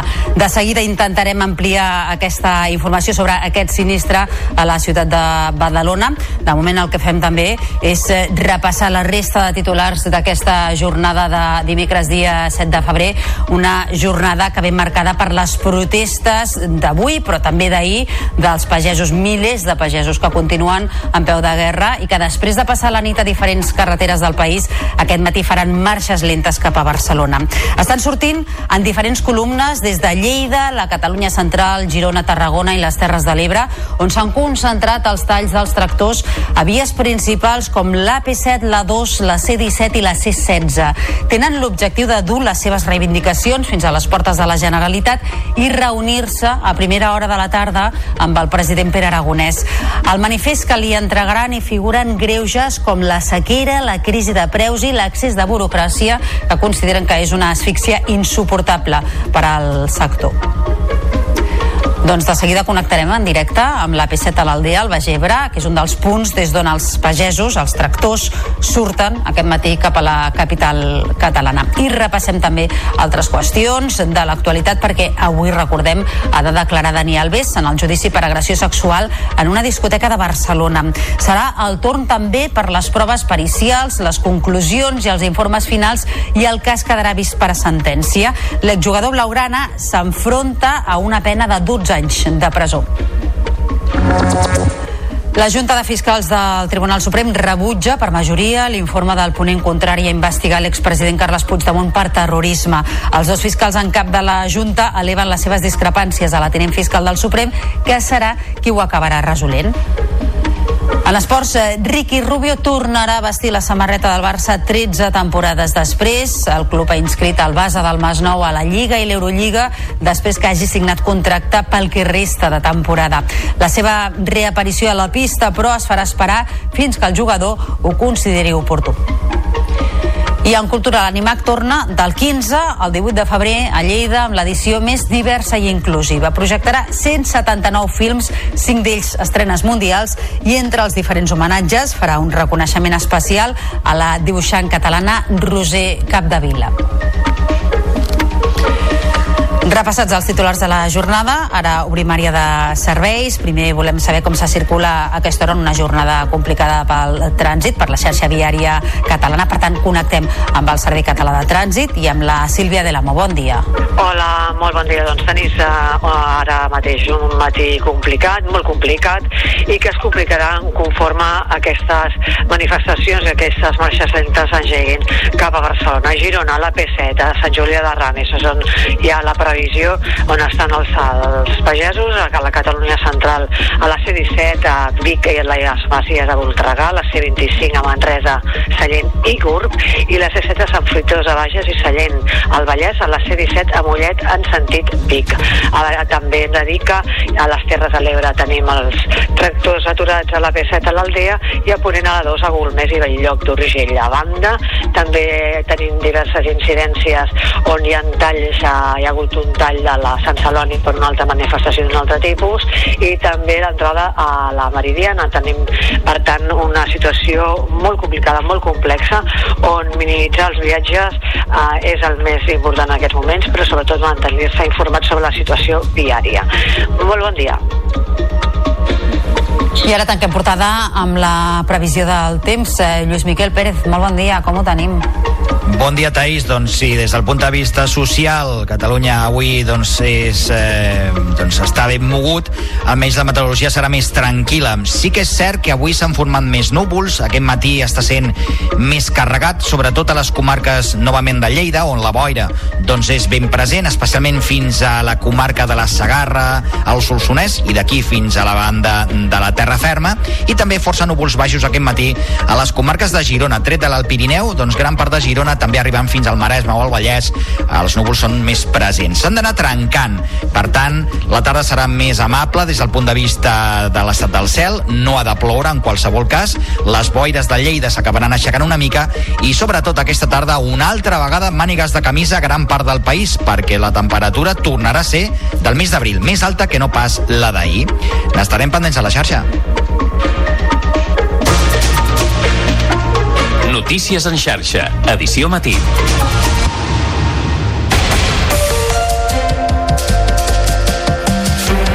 Milers de pagesos es preparen per fer marxes lentes fins a Barcelona aquest matí després d'haver passat la nit en diferents punts de les carreteres catalanes.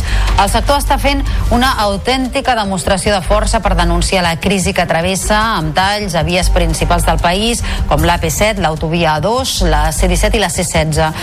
La tracturada massiva, que avui confluirà a la capital catalana, ho farà en diferents columnes procedents de Lleida, la Catalunya Central, Girona, Tarragona i les Terres de l'Ebre. Una unió de forces per dur el clam de la pagesia i la ramaderia contra els greuges pels preus, la sequera i la burocràcia excessiva que arrosseguen des de fa mesos. La marxa, que fa preveure col·lapses importants a entrades com les avingudes Meridiana i Diagonal, té previstes parades davant la seu de la Comissió Europea, la delegació del govern espanyol i la plaça de Sant Jaume. Un cop allí els pagesos volen lliurar un manifest al president de la Generalitat, Pere Aragonès, amb qui es reuniran a primera hora d'aquesta tarda. Connectem doncs ara amb un d'aquests punts on els pagesos han passat la nit i faran ara via cap a Barcelona. A l'AP7, al seu pas per l'Aldea, ha els nostres companys de Canal T, l'Arnau Esteban i el Dani Camacho. Dani, molt bon dia. Com està la situació? Bon dia, doncs aquí a l'Aldea, passades les 7 del matí, han marxat una quarantena de tractors direcció a Barcelona, la capital catalana, i ho hem fet per aquí, a la P7. Està previst que arriben cap a, cap a migdia a Barcelona, ja que ja que, ja que faran eh, marxes lentes per l'autopista AP7 i van a 35 km per hora. Eh, però la resta de pagesos que han passat aquí la nit, per tant uns 30 més o menys, eh, s'esperen aquí tallant l'autopista AP7 fins les 11 del matí, que és quan tenen permís, i ara ja, veu, ja veieu al darrere meu que ja estan començant a desmuntar les tendes i les cadires. Ara som amb Núria Brull, ella és coordinadora d'Unió de, de, de Pagesos a les Terres de l'Ebre. Molt bon dia. Hola, molt bon dia a tots. Per què heu decidit eh, fer esta marxa lenta cap a Barcelona, unir-vos amb les altres marxes i també quedar-vos aquí, on la resta de pagesos? Perquè pues, amb, amb d'allò per a unir-nos amb tots els companys del nostre territori, amb tots els pagesos d'aquí de, de tots els territoris de Catalunya i avui pues, bueno, fer una marxa lenta, s'entrarà per la Diagonal i, bueno, i s'anirà a visitar pues, a les seus. Eh, aquí eh, s'han quedat, com diem, una trentena de pagesos. Eh, pod... Quines són les vostres reclamacions? Eh, són diferents de la aquí a les Terres de l'Ebre hi ha preocupacions diferents? Bueno, tenim la, el tema de la, pues la sequera que l'estem patint tots arreu del territori i, bueno, i la vull dir, perquè els pagesos necessitem fer molts de papers i bueno, pues tenim moltes mancances. També parlàveu de falta de relleu generacional. Aquí s'han vist uns quants joves, també han vingut en aquestes manifestacions, eh, però també sé que ells saben no? que tenen moltes complicacions. Sí, aquí lo la, la població, els pagesos són molt grans i no hi ha relleu generacional, vull dir, aquí, com tu dies. Uh, aquí tenim, tenim també el tema de la, de l'arròs la temporada vam tindre eh, sequera, per tant van, van llaure restriccions. Eh, com ho afronteu enguany? Bueno, a veurem si ho podem anar solucionant tot això. Vull dir, perquè, clar, el que són els pagesos del Delta, vull dir, planten, fan unes inversions i han acabat, vull dir que es quedessin a, a, amb, amb poca aigua, pues és una gran problemàtica que tenim. Mm. I també està el sector de l'oli molt complicat estos darrers mesos pels, per, sobretot l'augment de preus. Sí, el sector de l'oli també les collides han sigut les que han sigut i bueno, augmentat el preu, però també ara, vull dir, a hores d'ara estem al mes de gener i no ha plogut, vull dir, ja veurem, i aquí la zona de secà pues, està patint. Moltes gràcies, Núria. Doncs recordem que este tall a la P7 es continua estant fins les 11 del matí. De moment tot el trànsit se desvia per la Nacional 340 on a hores d'ara ja continua a venir eh, retencions. Doncs complicacions al trànsit aquest matí. Dani Camacho, companys de Canal T, gràcies per aquesta connexió en directe des de l'Aldia. Molt bon dia. I el govern eh, mostra màxima comprensió amb els pagesos i ramaders i considera les seves reivindicacions legítimes, diu, i necessàries també. Pel que fa a l'accés de burocràcia, l'executiu obrirà una finestreta per gestionar la paperassa entre el sector primari i l'administració. I d'altra banda, pel que fa a la lluita contra la sequera, el govern també ha anunciat una nova inversió de 122 milions d'euros que els municipis podran invertir en obres d'abastament i de sanejament. I mentrestant, el conseller d'Acció Climàtica, David Mascort, ha defensat al Parlament la gestió de la sequera. Mascort, que, que ha comparegut en comissió, ha assenyalat que l'executiu ha actuat amb temps, amb dades i de manera planificada, aconseguint endarrerir l'entrada en la fase d'emergència més d'un any.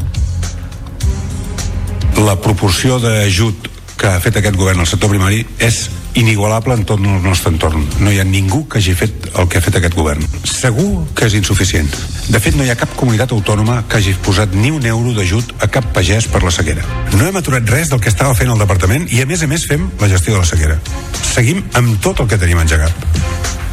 I si una cosa tenim és que complim allò que diem que farem.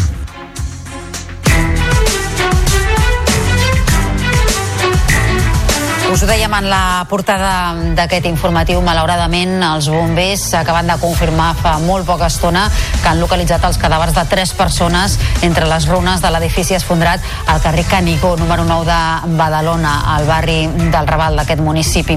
Tot i això, el cap de guàrdia dels bombers de la regió metropolitana nord, Josep Manel Escudero, que no ha volgut confirmar que es tracti dels tres desapareguts, no ha descartat tampoc trobar alguna persona més entre els Runam. Una tasca, recordem, la de desesfondrament que va començar ahir a la tarda, peça per peça, i que confia en finalitzar aquest migdia o a primera hora de la tarda d'aquest dimecres. En aquesta mateixa compareixença fa pocs minuts a peu de carrer, l'alcalde de Badalona, Xavier García Albiol, ha confirmat els fets s'han confirmat eh, les pitjors de les hipòtesis i que s'han trobat a, a tres persones que a falta de confirmació doncs, són les tres familiars que estaven, que estaven desapareguts. Aquesta és una notícia aterradora per, per la ciutat de, de Badalona i, i ara el que toca sobretot és estar al costat de, dels familiars amb víctimes i també estar sobretot amb el costat dels veïns que eh, s'han quedat sense, sense vivenda i que evidentment doncs, des de l'Ajuntament els hi prestarem tot el suport, eh, tot l'assessorament i el que calgui doncs, perquè puguin recuperar la normalitat o abans, o abans possible. Doncs estarem pendents per ampliar la informació sobre aquest sinistre que passava ahir a Badalona i també estem pendents dels Mossos d'Esquadra que tenen en marxa a aquesta hora un dispositiu conjunt amb la Policia Nacional contra un grup criminal investigat per delictes contra el patrimoni. S'estan fent registres al barri del Congrés de Barcelona i també a Montcada i Reixac, al Vallès Occidental. Es tracta d'un operatiu contra delinqüents comuns multireincidents i també més especialitzats. I avui també els ulls posats en el judici a Dani Alves, que ha de declarar avui en aquesta causa on s'enfronta fins a 12 anys de presó per violar una noia al bany d'una discoteca de Barcelona.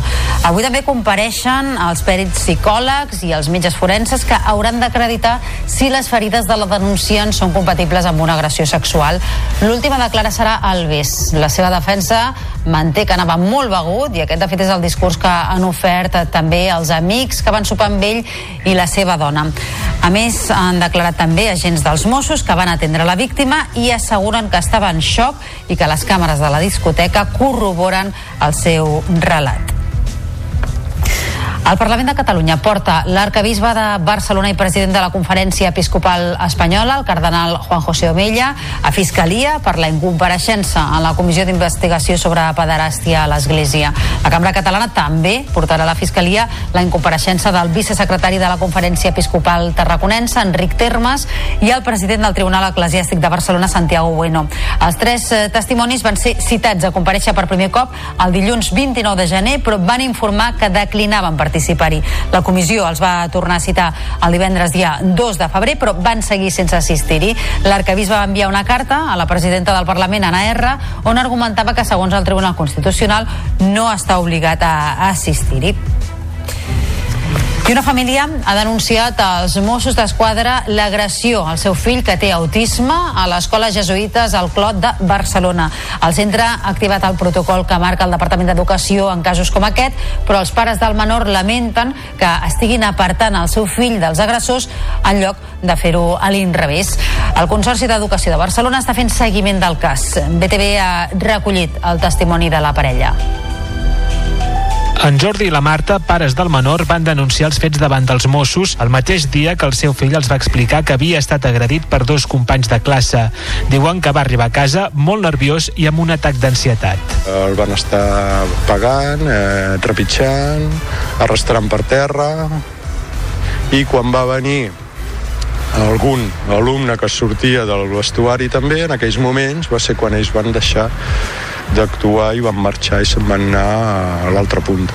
No sabem si això és que eh, els protocols s'estan aplicant malament des de l'escola o potser és que el consorci no dona les instruccions correctes. En vez de separar els agressors de l'agredit, que és el nostre fill, doncs el que han fet és separar l'agredit, o sigui, el nostre fill. Amb aquesta situació no es pot viure. Si continua això sí, el nen no voldrà ni sortir de casa. Els pares afirmen que el menor encara està molt afectat, que no vol anar a l'escola ni tampoc relacionar-se amb els companys.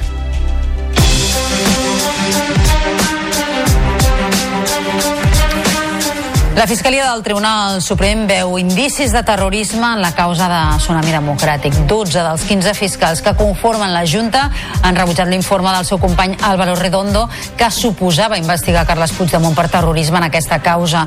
La posició de la Fiscalia respon a la petició perquè el Suprem es quedi la causa i investigui per terrorisme Puigdemont, Marta Rovira, Ruben Wagensberg i nou persones més. Davant les discrepàncies dels dos fiscals en cap de la Junta, les han elevat a la seva superior jeràrquica jeràrquica, la tinent fiscal del Suprem, que serà qui finalment resolgui. I el Consell de Ministres ha aprovat la pujada del salari mínim interprofessional fins als 1.134 euros. L'increment va acompanyat d'una modificació de l'IRPF per evitar que els beneficiats per la pujada hagin de pagar l'impost. Ens ho explica el David Navarro. En total, la pujada suposa un increment del 5% i des que la coalició va arribar a l'executiu, l'SMI ha passat dels 736 als 1.134 euros mensuals. D'aquesta manera, el total anual queda fixat en 15.876 euros en 14 pagues i per evitar que l'increment faci que els beneficiaris hagin de pagar l'IRPF, també s'ha elevat el mínim exempt de l'impost. La vicepresidenta segona i ministra de Treball, Yolanda Díaz, s'ha felicitat per la reforma. Soy muy consciente que queda camino por recorrer y que todavía estamos alejados de las medias salariales europeas, pero es verdad que se va estrechando y reduciendo esa desigualdad y hoy España es un país mejor. Percibir 398 euros al mes más en las economías domésticas es un paso de gigante. Yolanda Díaz ha defensat que les primeres beneficiades per l'increment seran les dones, dues de cada tres. El Consell de Ministres també ha aprovat una modificació normativa que prohibirà que els empresaris redueixin les hores dels contractes a temps parcial amb l'objectiu de reduir els salaris dels treballadors. El Congrés dels Diputats ha aprovat la, la proposició de llei del Parlament de Catalunya per garantir caixers automàtics als municipis rurals amb risc d'exclusió financera. El text estableix que per garantir el dret d'accés als serveis bancaris de proximitat, els municipis i els barris que no disposen de caixers automàtics han de disposar com a mínim d'un caixer al terme municipal que permeti retirar diners, pagar rebuts o tributs, consultar els moviments i el saldo, obtenir extractes i fer transferències. I a Barcelona, el govern de Collboni ha revocat dos decrets de restricció horària que afectaven diversos locals d'alimentació de Ciutat Vella. Amb l'aixecament d'aquesta limitació aprovada a finals del 2022 durant el mandat d'Ada Colau, més d'una quarantena d'autoserveis i de petits supermercats del districte ja no hauran de tancar entre les 10 de la nit i les 7 del matí. Més detalls en la següent informació de BTV. Fruiteries i supermercats acaparen la majoria de locals comercials del carrer de Joaquín Costa. Un cop revocat el decret, vigent des del 2022, 35 d'aquests establiments podran obrir de les 10 de la nit fins a les 7 del matí. El mateix passarà a locals d'Escudellers, plaça de George Orwell i carrers propers. Una decisió que els veïns de Joaquín Costa no reben amb bons ulls. Jo no, jo no el veig correcte. Si n'hi ha un horari, n'hi ha un horari per tot Déu. Un horari i ja està. Tal, tal hora se tanca i punto. Esto es escandaloso, pero ellos no. El que viene, la juventud, a chillar y todo. El govern de Collboni ja havia revocat la restricció horària de terrasses, restaurants i bars musicals de la zona al mes de novembre. Segons l'Ajuntament, el decret tenia defectes que impedien que es pogués aplicar legalment, com haver superat el termini màxim de tramitació o acumular defectes de notificació que n'invaliden la vigència. El govern municipal està elaborant un nou pla contra el soroll, però de moment no s'ha especificat si també inclourà algun tipus de limitació d'horaris per als establiments.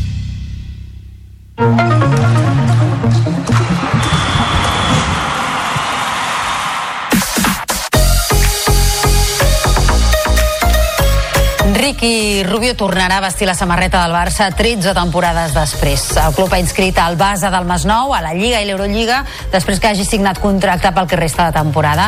La seva reaparició a la pista, però, es farà esperar fins que el jugador ho consideri oportú. Fa tot just una setmana que Ricky va incorporar-se als entrenaments blaugrana en el tram final del procés de recuperació per problemes de salut mental. I el joventut es juga avui la possibilitat de disputar els vuitens de final de l'Eurocup a Badalona. La penya tanca la fase de grups a les 6 de la tarda a Riga, on juga com a local el Prometei ucraïnès. Un triomf permetria als vertinegres jugar-se l'accés als quarts de l'Olímpic en una eliminatòria a partit únic. La prèvia de Televisió de Badalona és de Xavi Ballesteros. Els de Carles Duran tenen molt clar que no volen especular i que l'objectiu és assolir la victòria. Si guanyen, obtindran automàticament la quarta posició, que els dona dret a jugar a Badalona l'eliminatòria de vuitens, que és a partit únic. En cas de perdre, hauria de fer-ho de menys de 4 punts, perquè si no acabaria cinquè o sisè classificat i tindria totes les eliminatòries amb el factor pista en contra. Per molt que no hi ha molt de soroll en el partit, per nosaltres és molt important per afrontar el que, el que espera l'Eurocup i si volem fer uh, coses especials en la competició, doncs sabem que aquest tipus de partits uh, són el que et marquen la, el rumb de la competició i esperem estar concentrats en fent la nostra feina i, i ser conscients de la, de la importància. L'equip ucraïnès juga a la capital de Letònia des de que va començar el conflicte bèl·lic entre Rússia i Ucraïna. La pressió ambiental al pavelló no existeix, perquè l'afició que hi va és letona i no és el seu equip. Difícilment s'omplirà el pavelló. El Bran noruec serà el rival del Barça als quarts de final de la Champions femenina. L'anada es disputarà a Bergen el 20 de març i la tornada al Johan Cruyff el dia 28. En cas de superar l'eliminatòria, el rival a la semifinal seria el guanyador del duel entre l'Ajax i el Chelsea amb l'anada a casa i la tornada a domicili. Les de Giraldez, per tant, eviten els rivals més potents, l'Olímpic de Lió i el PSG, fins a una hipotètica final.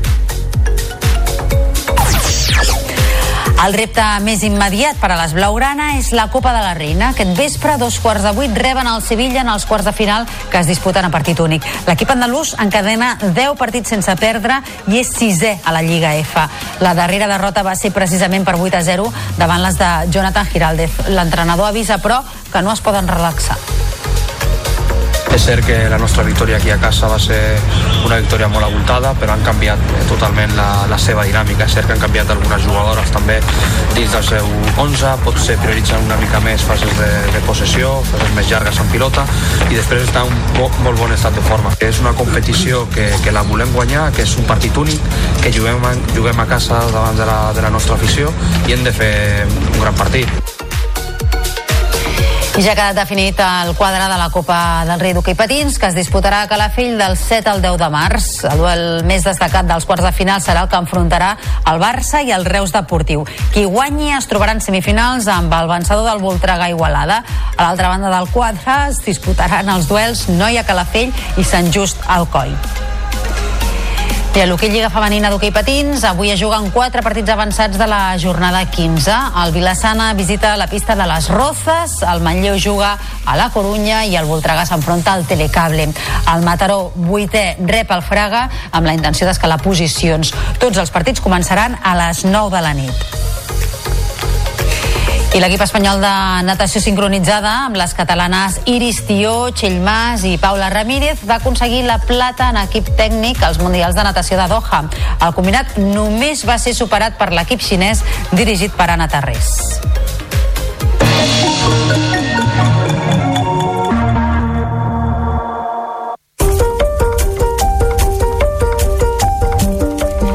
El 15 de febrer torna l'Animac a Lleida, la mostra internacional de cinema d'animació, enguany amb la diversitat com a fil conductor. Una de les novetats serà la incorporació de la llengua de signes i les sessions relaxades per a persones amb necessitats especials. Hi haurà sessions gratuïtes d'anime japonès per a adolescents. Tots els detalls des de Lleida TV. L'Animac celebra la seva 28a edició i ho fa plena de sensibilitat en un espai de referència a Espanya per donar visibilitat al cinema d'animació. Enguany podrem trobar èxits mundials com Tubirt o No Tubirt, nominat als Premis Goya, El sueño de la sultana, Premi honorífic d'Isabel Herrera o Felina de Maria Lorenzo, entre d'altres. Els films seleccionats en aquestes seccions que es diran eh, Animac Cranky i Petit Animac Tranqui, o sigui, per adults i per, i per um, petits doncs, eh, seran seleccionats amb aquestes característiques de ser amb transicions més lentes amb, i amb temàtiques especialment seleccionades eh, i de baix impacte visual. Un dels objectius de la mostra també és apropar-se a un públic més adolescent. L'Animac oferirà durant 4 dies un total de 179 films, 8 llargmetratges, 4 migmetratges i 167 curtmetratges, entre les quals destaquen 5 premiers mundials i dues estrenes internacionals. El ninot, la ninota i la bota del Carnaval de Tarragona ja es poden veure a la plaça de la Font fins a la crema de la setmana que ve. L'augment pressupostari ha permès recuperar el format gran de la bota, 3 metres, que és obra de l'artista faller Damià Castanyo. Aquesta tarda la plaça Corsini es transformarà en la nova plaça de la Disbauxa amb el tret de sortida oficial de l'entrada del rei Carnestoltes i la concubina.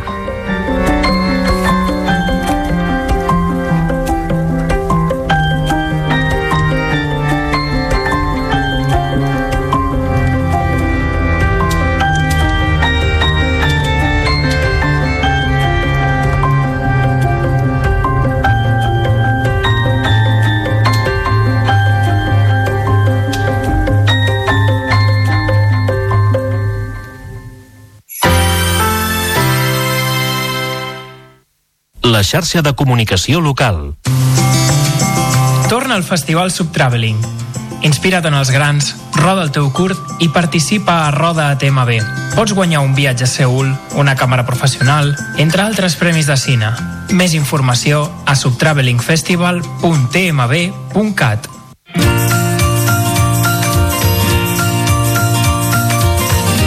Gent del Som Terra. Soc Marta Pros, sòcia de Germans Pros Mokiwi, empresa que es dedica a la producció i venda exclusiva de kiwi, de la varietat Haiwa. Som una empresa familiar que va néixer l'any 2005. Ricard Pros Vilaplana, que és el meu pare, en fou el soci fundador, juntament amb tres dels seus cinc fills, els quals avui dia continuen treballant i lluitant per aquest projecte en memòria seva. L'empresa és fruit d'anys d'experimentació per adaptar el kiwi al clima i a les terres de Lleida, el que ens ha portat a produir un kiwi d'una qualitat molt bona. La nostra filosofia és mantenir una producció limitada en pro d'una alta qualitat. Això ens permet oferir un producte de proximitat o de quilòmetre zero a uns preus molt competitius. Prosmo Kiwi selecciona el fruit de l'arbre en el seu punt just de sucre, aconseguint així que el fruit pugui ser consumit poc després de la seva recol·lecció. M'acomiado de vosaltres i us invito a provar el nostre kiwi a la nostra web www.prosmokiwi.com Trobareu els punts de venda i si no podeu contactar directament amb nosaltres. Però heu de saber que els trobareu els nostres kiwis tan sols eh, durant 5 mesos de l'any. Collim per tots sants i acabem la nostra campanya a l'abril. T'interessa el sector primari? Trobaràs el podcast del Som Terra al Territori Podcast de la xarxa Més.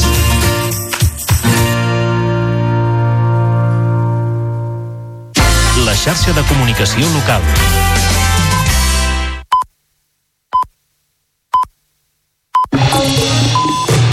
Notícies en xarxa, edició matí. Amb Taís Trujillo. Bon dia, són dos quarts de nou del matí i avui al Notícies en xarxa estem molt pendents de la pagesia. Milers de pagesos continuen en peu de guerra i hores d'ara algunes marxes ja estan a les portes de Barcelona provocant ja problemes de trànsit a l'entrada a la capital catalana.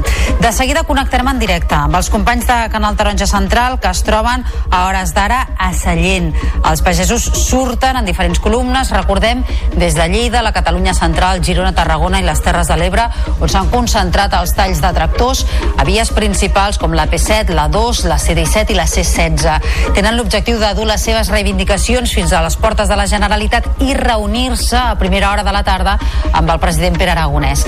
Al manifest que li entregaran hi figuren greuges com la sequera, la crisi de preus i l'accés de burocràcia que consideren que és una asfíxia insuportable per al sector. I d'aquí a uns minuts connectarem en directe amb Badalona, on aquest matí han comparegut els bombers i també l'alcalde de la ciutat, Xavier García Albiol, per confirmar que han localitzat ja els cadàvers de les tres persones desaparegudes a les runes de l'edifici esfondrat ahir al carrer del Canigó, d'aquest municipi de Badalona, en concret al barri del Raval. L'Ajuntament assegura que l'immoble havia passat la darrera inspecció tècnica. La majoria de veïns desallotjats han passat la nit a casa de familiars mentre continua la investigació sobre les causes d'aquest sinistre. I també us estem explicant que avui ha de declarar Dani Alves en el judici per agressió sexual en una discoteca de Barcelona. Serà el torn també per les proves pericials, les conclusions i els informes finals i el cas quedarà vist per a sentència. L'exjugador blaugrana s'enfronta a una pena de 12 anys de presó. I d'aquí a uns minuts parlarem amb Miguel Hurtado perquè ens valori la decisió de l'abadia de Montserrat que ha rebutjat indemnitzar-lo pels abusos sexuals que va patir entre els anys 1998 i 1999. Hurtado, recordem, va ser la primera víctima que va destapar els abusos sexuals en aquesta institució, l'abadia de Montserrat. I en esports, Ricky Rubio tornarà a vestir la samarreta del Barça 13 temporades després. El club ha inscrit al base del Masnou a la Lliga i l'Eurolliga després que hagi signat contracte pel que resta de temporada. La seva reaparició a la pista, però, es farà esperar fins que el jugador ho consideri oportú. En Cultura l'Animac torna del 15 al 18 de febrer a Lleida amb l'edició més diversa i inclusiva. Projectarà 179 films, 5 d'ells estrenes mundials i entre els diferents homenatges farà un reconeixement especial a la dibuixant catalana Roser Capdevila.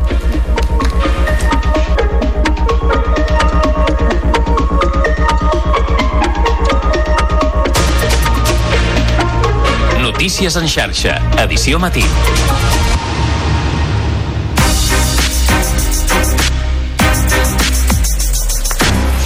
Doncs tal i com us acabem d'explicar ara a la portada, els pagesos es dirigeixen ja a Barcelona després d'haver passat la nit en diferents punts de les carreteres catalanes. El sector està fent una autèntica demostració de força per tal de denunciar la crisi que travessa amb talls a vies principals del país com són la P7, l'autovia 2, la C-17 i la C-16. Ara connectem en directe amb un d'aquests punts, anem en concret fins a Sallent i saludem els companys de Canal Taronja Central, l'Eli Pagant i l'Edu Font. Edu, molt bon dia. Quin és l'ambient que es respira hores d'ara? Molt bon dia. Doncs ara l'ambient és ja de posar-se en marxa. De fet, ha sortit el sol ja fa una estona i el campament, aquí han dormit una seixantena de tractors i la gent que els porta, però ara a poc a poc van tornant ja tots els que han anat a passar la nit a casa o els que van haver de marxar ahir perquè havien de cuidar el bestiar. I el cert és que la caravana a poc a poc es va tornant a omplir. Recordem que hi van ser prop de 400 vehicles els que van tallar aquest eix del Llobregat a Sallent. L'eix transversal, hores d'ara, ja està obert al trànsit en el pas per Sant Fruitós Sallent, però l'eix del Llobregat segueix tallat i porta així gairebé 22 hores i mitja. Eduard, això és, com dèiem ara, una autèntica mostra de força i encara queda, com a mínim, una altra jornada, no? Exacte, això no s'havia vist mai. Aquesta unió ens ha unit a tots per, per reivindicar el que, el que es demana, que, que la, bueno, que estem molt, molt, molt emprenyats, de veritat. Com ha anat la nit? Esteu cansats? Com l'heu passada? Eh, la nit freda, freda, cansats, però bueno, jo crec que la causa ho demana i, i hem de ser tots units i demanar el que toca i ser, ser valents. Home, dins eh, aquella, dins de la desgràcia, com diu aquell, heu fet focs a terra, heu fet eh, carn a la brasa i heu mirat de passar l'estona també com s'ha pogut, no? Sí, la veritat, bueno, ens hem organitzat bé dintre, dintre de tot, ja dius, hem fet eh, això, una mica de barbacoa per escalfar-nos i poder menjar. Ara el que toca és organitzar-se, ja començar a recol·locar els tractors i a partir de les 9 començar una marxa lenta. Quin és el plan per aquesta columna dels pagesos de la Noia, Bages, Berguedà i Solsonès? Doncs seria sortir d'aquí a la C16, on estem ara, a direcció Barcelona, per l'autopista, i anar a direcció a, bueno, a, a estacionar els tractors a les Corts. I allà doncs, fer una marxa a peu, manifestació, fins a la del, del govern per, per demanar doncs, això, de, de, tots aquests temes de, de la burocràcia, de... És que, bueno, és que estem molt, molt, molt cremats, la veritat és que estem cremats i, el, i demanem això, doncs, que l'administració no posi traves, sinó que ens ajudi a fer la nostra feina i no ens toca no, només a nosaltres, sinó que és a tots els, els sectors i també tenim temes molt importants que, que ens afecten ara. Creus que us faran cas? Esperem que, que sí, que ens hi va molt. Gràcies, Eduard, que vagi bé la jornada. Nosaltres seguim aquí a l'espera de que arranqui aquesta columna. Recordar que a la Catalunya Central n'hi ha una altra, que és la que encara hores d'ara talla la C-17 a l'alçada de Vic, la que han conformat els pagesos d'Osona, el Ripollès i el Lluçanès, i que també han passat la nit a la carretera. Doncs pendents d'aquestes protestes que avancen cap a Barcelona. Edu Font, Eli Pagant, companys de Canal Taronja Central, gràcies per aquesta última hora en directe. Molt bon dia.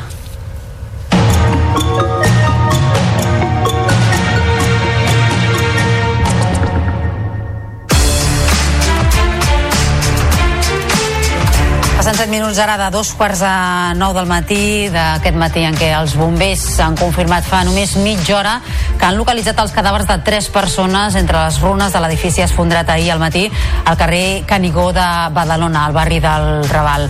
El cap de guàrdia dels bombers de la regió metropolitana nord, Josep Manel Escudero, ho ha confirmat, però no ha confirmat encara que es tracti dels tres desapareguts i tampoc ha descartat trobar alguna persona més entre el runam d'aquest immoble de cinc plantes.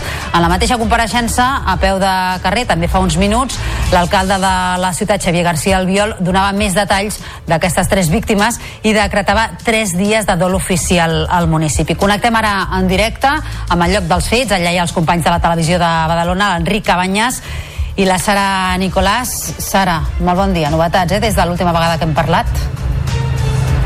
Bon dia. Malauradament s'ha confirmat la pitjor de les notícies.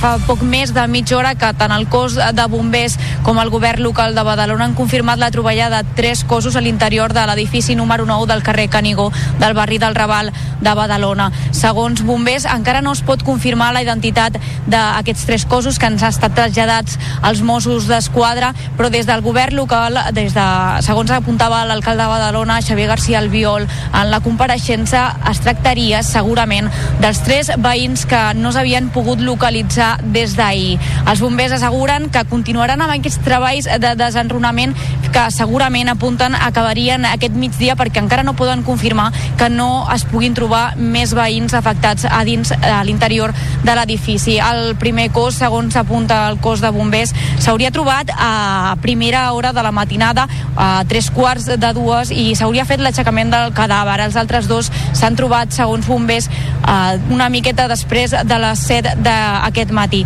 Segons l'alcalde Xavier García Albiol, es decretaran tres dies de dol i aquesta tarda a dos quarts de sis de la tarda a la plaça de la Vila tindrà lloc 5 minuts de silenci en record a aquestes tres víctimes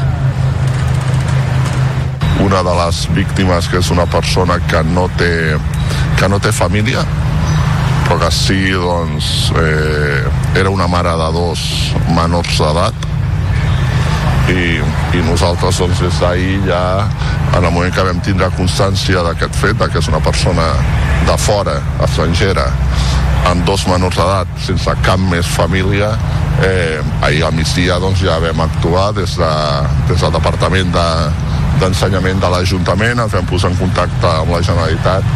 Tot apunta eh, que eh, doncs, bueno, són una altra senyora i, i un noi.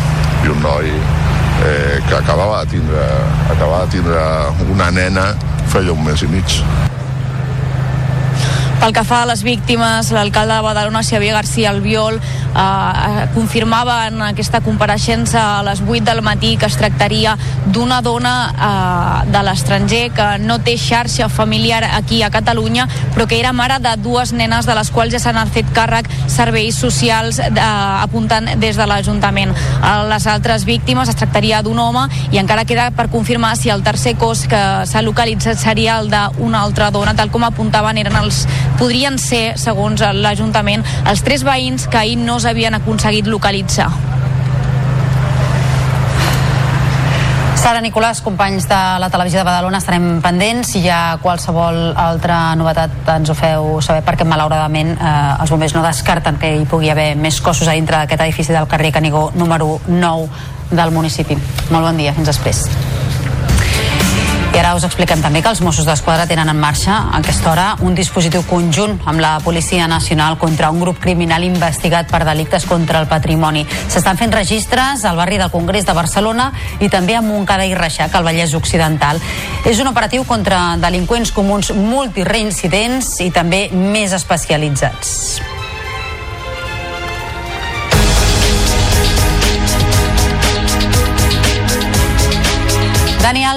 Ha de declarar avui al judici on s'enfronta fins a 12 anys de presó per violar una noia al bany d'una discoteca de Barcelona. Avui també compareixen els pèrits psicòlegs i els metges forenses que hauran d'acreditar si les ferides de la denunciant són compatibles amb una agressió sexual. L'últim a declarar serà Alves. La seva defensa manté que anava molt begut i aquest és el discurs que han ofert aquest dimarts els amics que van sopar amb ell i també la seva dona. També han declarat agents dels Mossos Mossos que van atendre la víctima que asseguren que estava en xoc i que les càmeres de la discoteca corroboren el seu relat. I el Parlament porta l'arcabisbe de Barcelona i el president de la Conferència Episcopal Espanyola, el cardenal Juan José Omella, a Fiscalia per la incompareixença a la Comissió d'Investigació sobre pederàstia a l'Església. La Cambra Catalana també portarà a la Fiscalia la incompareixença del vicesecretari de la Conferència Episcopal Tarraconense, Enric Termes, i el president del Tribunal Eclesiàstic de Barcelona, Santiago Bueno. Els tres testimonis van ser citats a compareixer per primer cop el dilluns dia 29 de gener, però van informar que declinaven participar-hi. La comissió els va tornar a citar el divendres, dia 2 de febrer, però van seguir sense assistir-hi. L'arcabisbe va enviar una carta a la presidenta del Parlament, Anna R., on argumentava que, segons el Tribunal Constitucional, no està obligat a assistir-hi d'aquesta decisió del Parlament, d'aquesta no compareixença dels càrrecs eclesiàstics. En parlarem i buscarem de seguida la reacció amb el nostre proper entrevistat perquè recordem també una altra dada sobre aquests abusos i és que la Batia de Montserrat ha rebutjat indemnitzar la primera víctima que va destapar els abusos sexuals en aquesta institució. L'organització eclesiàstica no té intenció de pagar els 150.000 euros que reclama Miguel Hurtado, que va ser víctima del germà Andreu Soler entre els anys 1998 i 1999. El tenim en connexió, Miguel Hurtado, molt bon dia. Hola, molt bon dia. Uh, D'entrada, la reacció no, a, a, aquesta decisió del Parlament de portar a Fiscalia aquestes incompareixences. Entenc que les víctimes uh, heu rebut de, de bon grat el fet que es persegueixi que a hores d'ara l'Església en comissió parlamentària no vulgui donar les explicacions pertinents.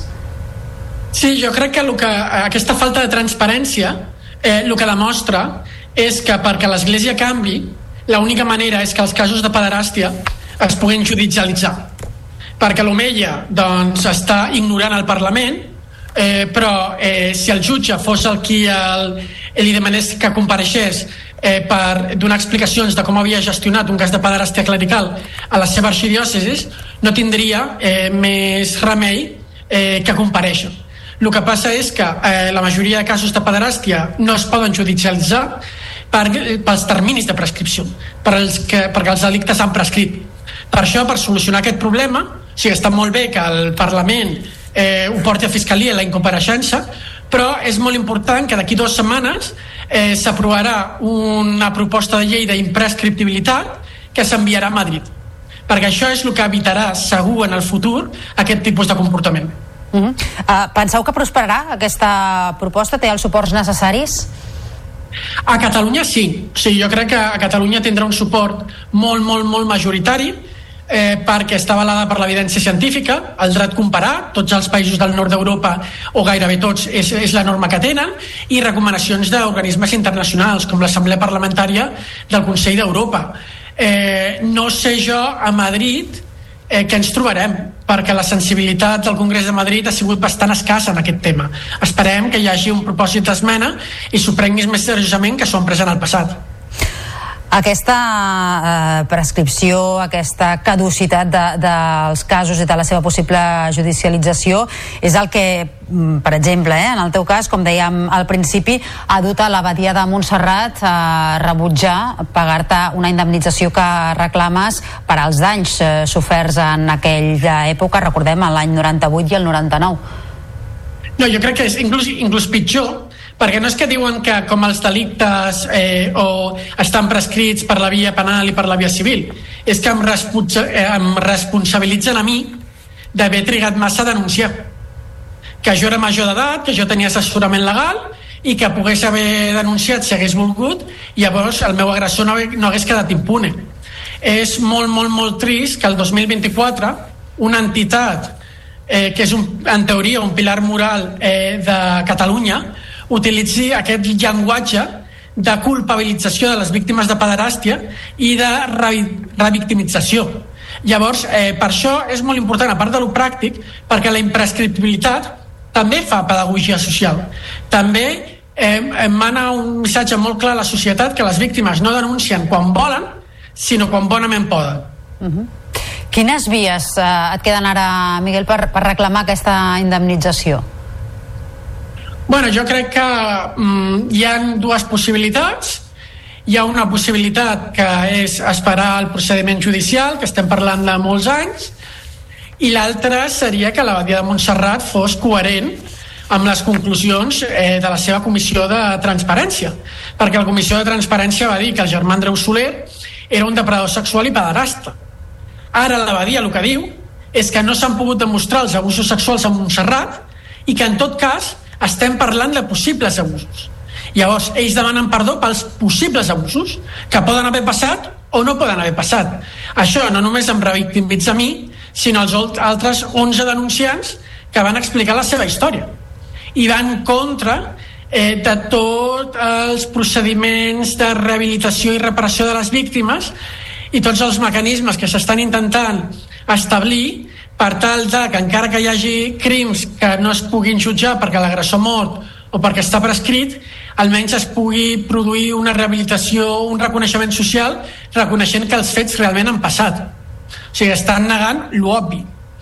Doncs eh, ho anirem seguint. Miguel Hurtado, recordem, eh, el primer denunciant dels abusos sexuals a Montserrat a la dècada dels eh, 90. Gràcies per haver-nos atès aquest matí al Notícies en xarxa. Molt bon dia. Gràcies a vosaltres. Notícies en xarxa. Informació al detall.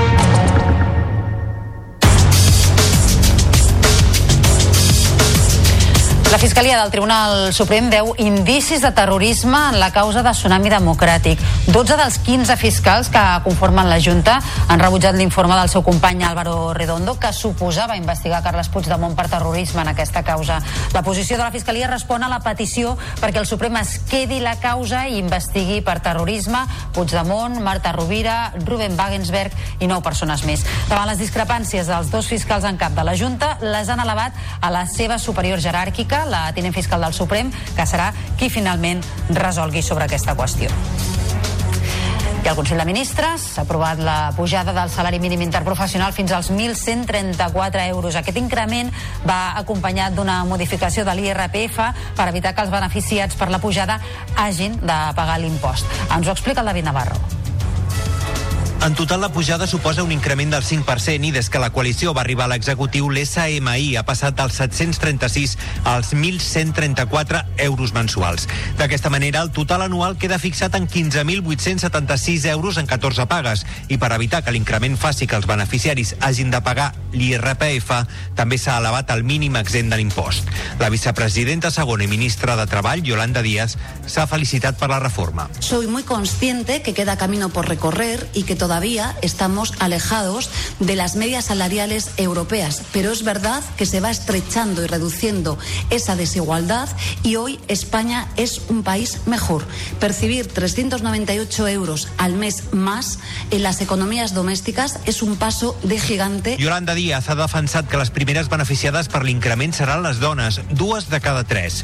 El Consell de Ministres també ha aprovat una modificació normativa que prohibirà que els empresaris redueixin les hores dels contractes a temps parcial amb l'objectiu de reduir els salaris dels treballadors.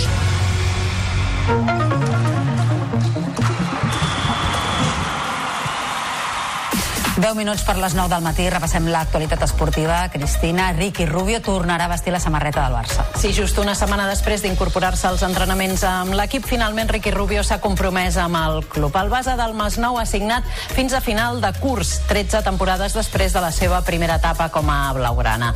El Barça l'ha inscrit tant a la Lliga com a l'Eurolliga i el jugador ja ha passat la revisió mèdica. La seva reaparició a la pista, però, es farà esperar fins que el jugador ho consideri oportú.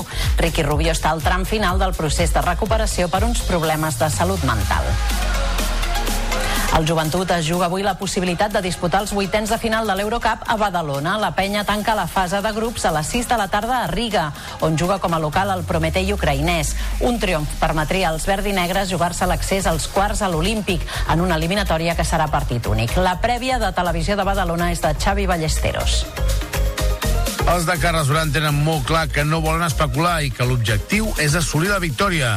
Si guanyen, obtindran automàticament la quarta posició, que els dona dret a jugar a Badalona l'eliminatòria de vuitens, que és a partit únic. En cas de perdre, hauria de fer-ho de menys de 4 punts, perquè si no acabaria cinquè o sisè classificat i tindria totes les eliminatòries amb el factor pista en contra. Per molt que no hi ha molt de soroll en el partit, per una és molt important per afrontar el que, el que espera l'Eurocup i si volem fer uh, coses especials en la competició, doncs sabem que aquest tipus de partits uh, són els que et marquen la, el rumb de la competició i esperem estar concentrats, en fent la nostra feina i, i ser conscients de la, de la importància. L'equip ucraïnès juga a la capital de Letònia des de que va començar el conflicte bèl·lic entre Rússia i Ucraïna. La pressió ambiental al pavelló no existeix, perquè l'afició que hi va és letona i no és el seu equip. Difícilment s'omplirà el pavelló. El Bran noruec serà el rival del Barça als quarts de final de la Champions femenina. L'anada es disputarà a Bergen el 20 de març i la tornada al Johan Cruyff el dia 28. En cas de superar l'eliminatòria, el rival a semifinals seria el guanyador de l'Ajax Chelsea amb l'anada a casa i la tornada a domicili. Les de Giraldez, per tant, eviten els rivals més potents, com són l'Olímpic de Lió i el PSG, fins a una hipotètica final. El repte més immediat, però, per a les blaugranes és la Copa de la Reina. Aquest vespre, a dos quarts de vuit, reben el Sevilla en els quarts de final, que es disputen a partit únic. L'equip andalús encadena 10 partits sense perdre i és sisè a la Lliga F. Això sí, la darrera derrota va ser precisament per 8 a 0 davant les de Jonathan Giraldez. L'entrenador avisa, però, que no es poden relaxar. És cert que la nostra victòria aquí a casa va ser una victòria molt abultada, però han canviat totalment la, la seva dinàmica. És cert que han canviat algunes jugadores també dins del seu 11, potser prioritzen una mica més fases de, de possessió, fases més llargues en pilota, i després està un molt, molt bon estat de forma. És una competició que, que la volem guanyar, que és un partit únic, que juguem, juguem a casa davant de la, de la nostra afició i hem de fer un gran partit. Ja ha quedat definit el quadre de la Copa del Rei d'hoquei patins que es disputarà a Calafell del 7 al 10 de març. El duel més destacat dels quarts de final serà el que enfrontarà el Barça i el Reus Deportiu. Qui guanyi es trobarà en semifinals amb el vencedor del Voltregà Igualada. A l'altra banda del quadre es disputaran els duels Noia Calafell i Sant Just al Coi. El blaugrana Ignacio Alabart analitza l'encreuament davant els roig i negres i l'entrenador del Noia Pere Vàries el duel contra els anfitrions, al Calafell. Un partido vida o muerte contra seguramente el principal rival histórico del club y la verdad es que, bueno, eh, a pesar de que está en una temporada algo, algo rara, son un rival súper competitivo, con jugadores con muchísima calidad, con experiencia, que saben muy bien a lo que juegan, con una afición que se desplazarà, bueno, partido de màxima tensió, màxima rivalitat. Amb sinceritat no era, no era el rival desitjat, però com diu Ferran, el sorteig no, no el controlem, ens toca el Calafell, doncs vindrem amb l'objectiu de classificar-nos per les semis, sent conscients de la, de la dificultat que tindrem. Aquesta Copa del Rei es disputarà d'aquí a un mes al pavelló Joan Hortoll de Calafell. Gràcies, Cristina. Ara us expliquem que el 15 de febrer arrenca l'Animac a Lleida, aquest any amb èxit de produccions de Catalunya i també de la resta de l'Estat i amb la diversitat com a fil conductor. Una de les novetats estrella són les sessions amb llengua de signes i també les sessions relaxades per a persones amb necessitats especials. Ens ho expliquen des de Lleida TV. L'Animac celebra la seva 28a edició i ho fa plena de sensibilitat en un espai de referència a Espanya per donar visibilitat al cinema d'animació. Enguany podrem trobar èxits mundials com Tubirt o No Tubirt, nominat als Premis Goya, El sueño de la sultana, Premi honorífic d'Isabel Herrera o Felina de Maria Lorenzo, entre d'altres. Els films seleccionats en aquestes seccions que es diran eh, Animac Tranqui i Petit Animac Tranqui, o sigui, per adults i per, i per um, petits doncs, eh, seran seleccionats amb aquestes característiques de ser amb transicions més lentes amb, i amb temàtiques especialment seleccionades eh, i de baix impacte visual. Un dels objectius de la mostra també és apropar-se a un públic més adolescent. L'Animac oferirà durant 4 dies un total de 179 films, 8 llargmetratges, 4 migmetratges i 167 curtmetratges, entre les quals destaquen 5 premiers mundials i dues estrenes internacionals. I la ciutat de Tarragona ja ha estrenat la temporada de Carnaval i aquest dimarts s'ha presentat la Gran Bota i el Ninot i la Ninota d'enguany. Aquesta edició torna a recuperar el format original de la tradicional bota amb grans dimensions fins als 3 metres. Aquesta tarda la plaça Corsini es transformarà en la nova plaça de la Disbauxa amb el tret de sortida oficial de l'entrada del rei i de la concubina. Doncs així hem arribat al final del Notícies en xarxa d'aquest dimecres, dia 7 de febrer. Tornem demà amb més informació de territori a primera hora del matí. Fins aleshores, que vagi molt bé. Adéu.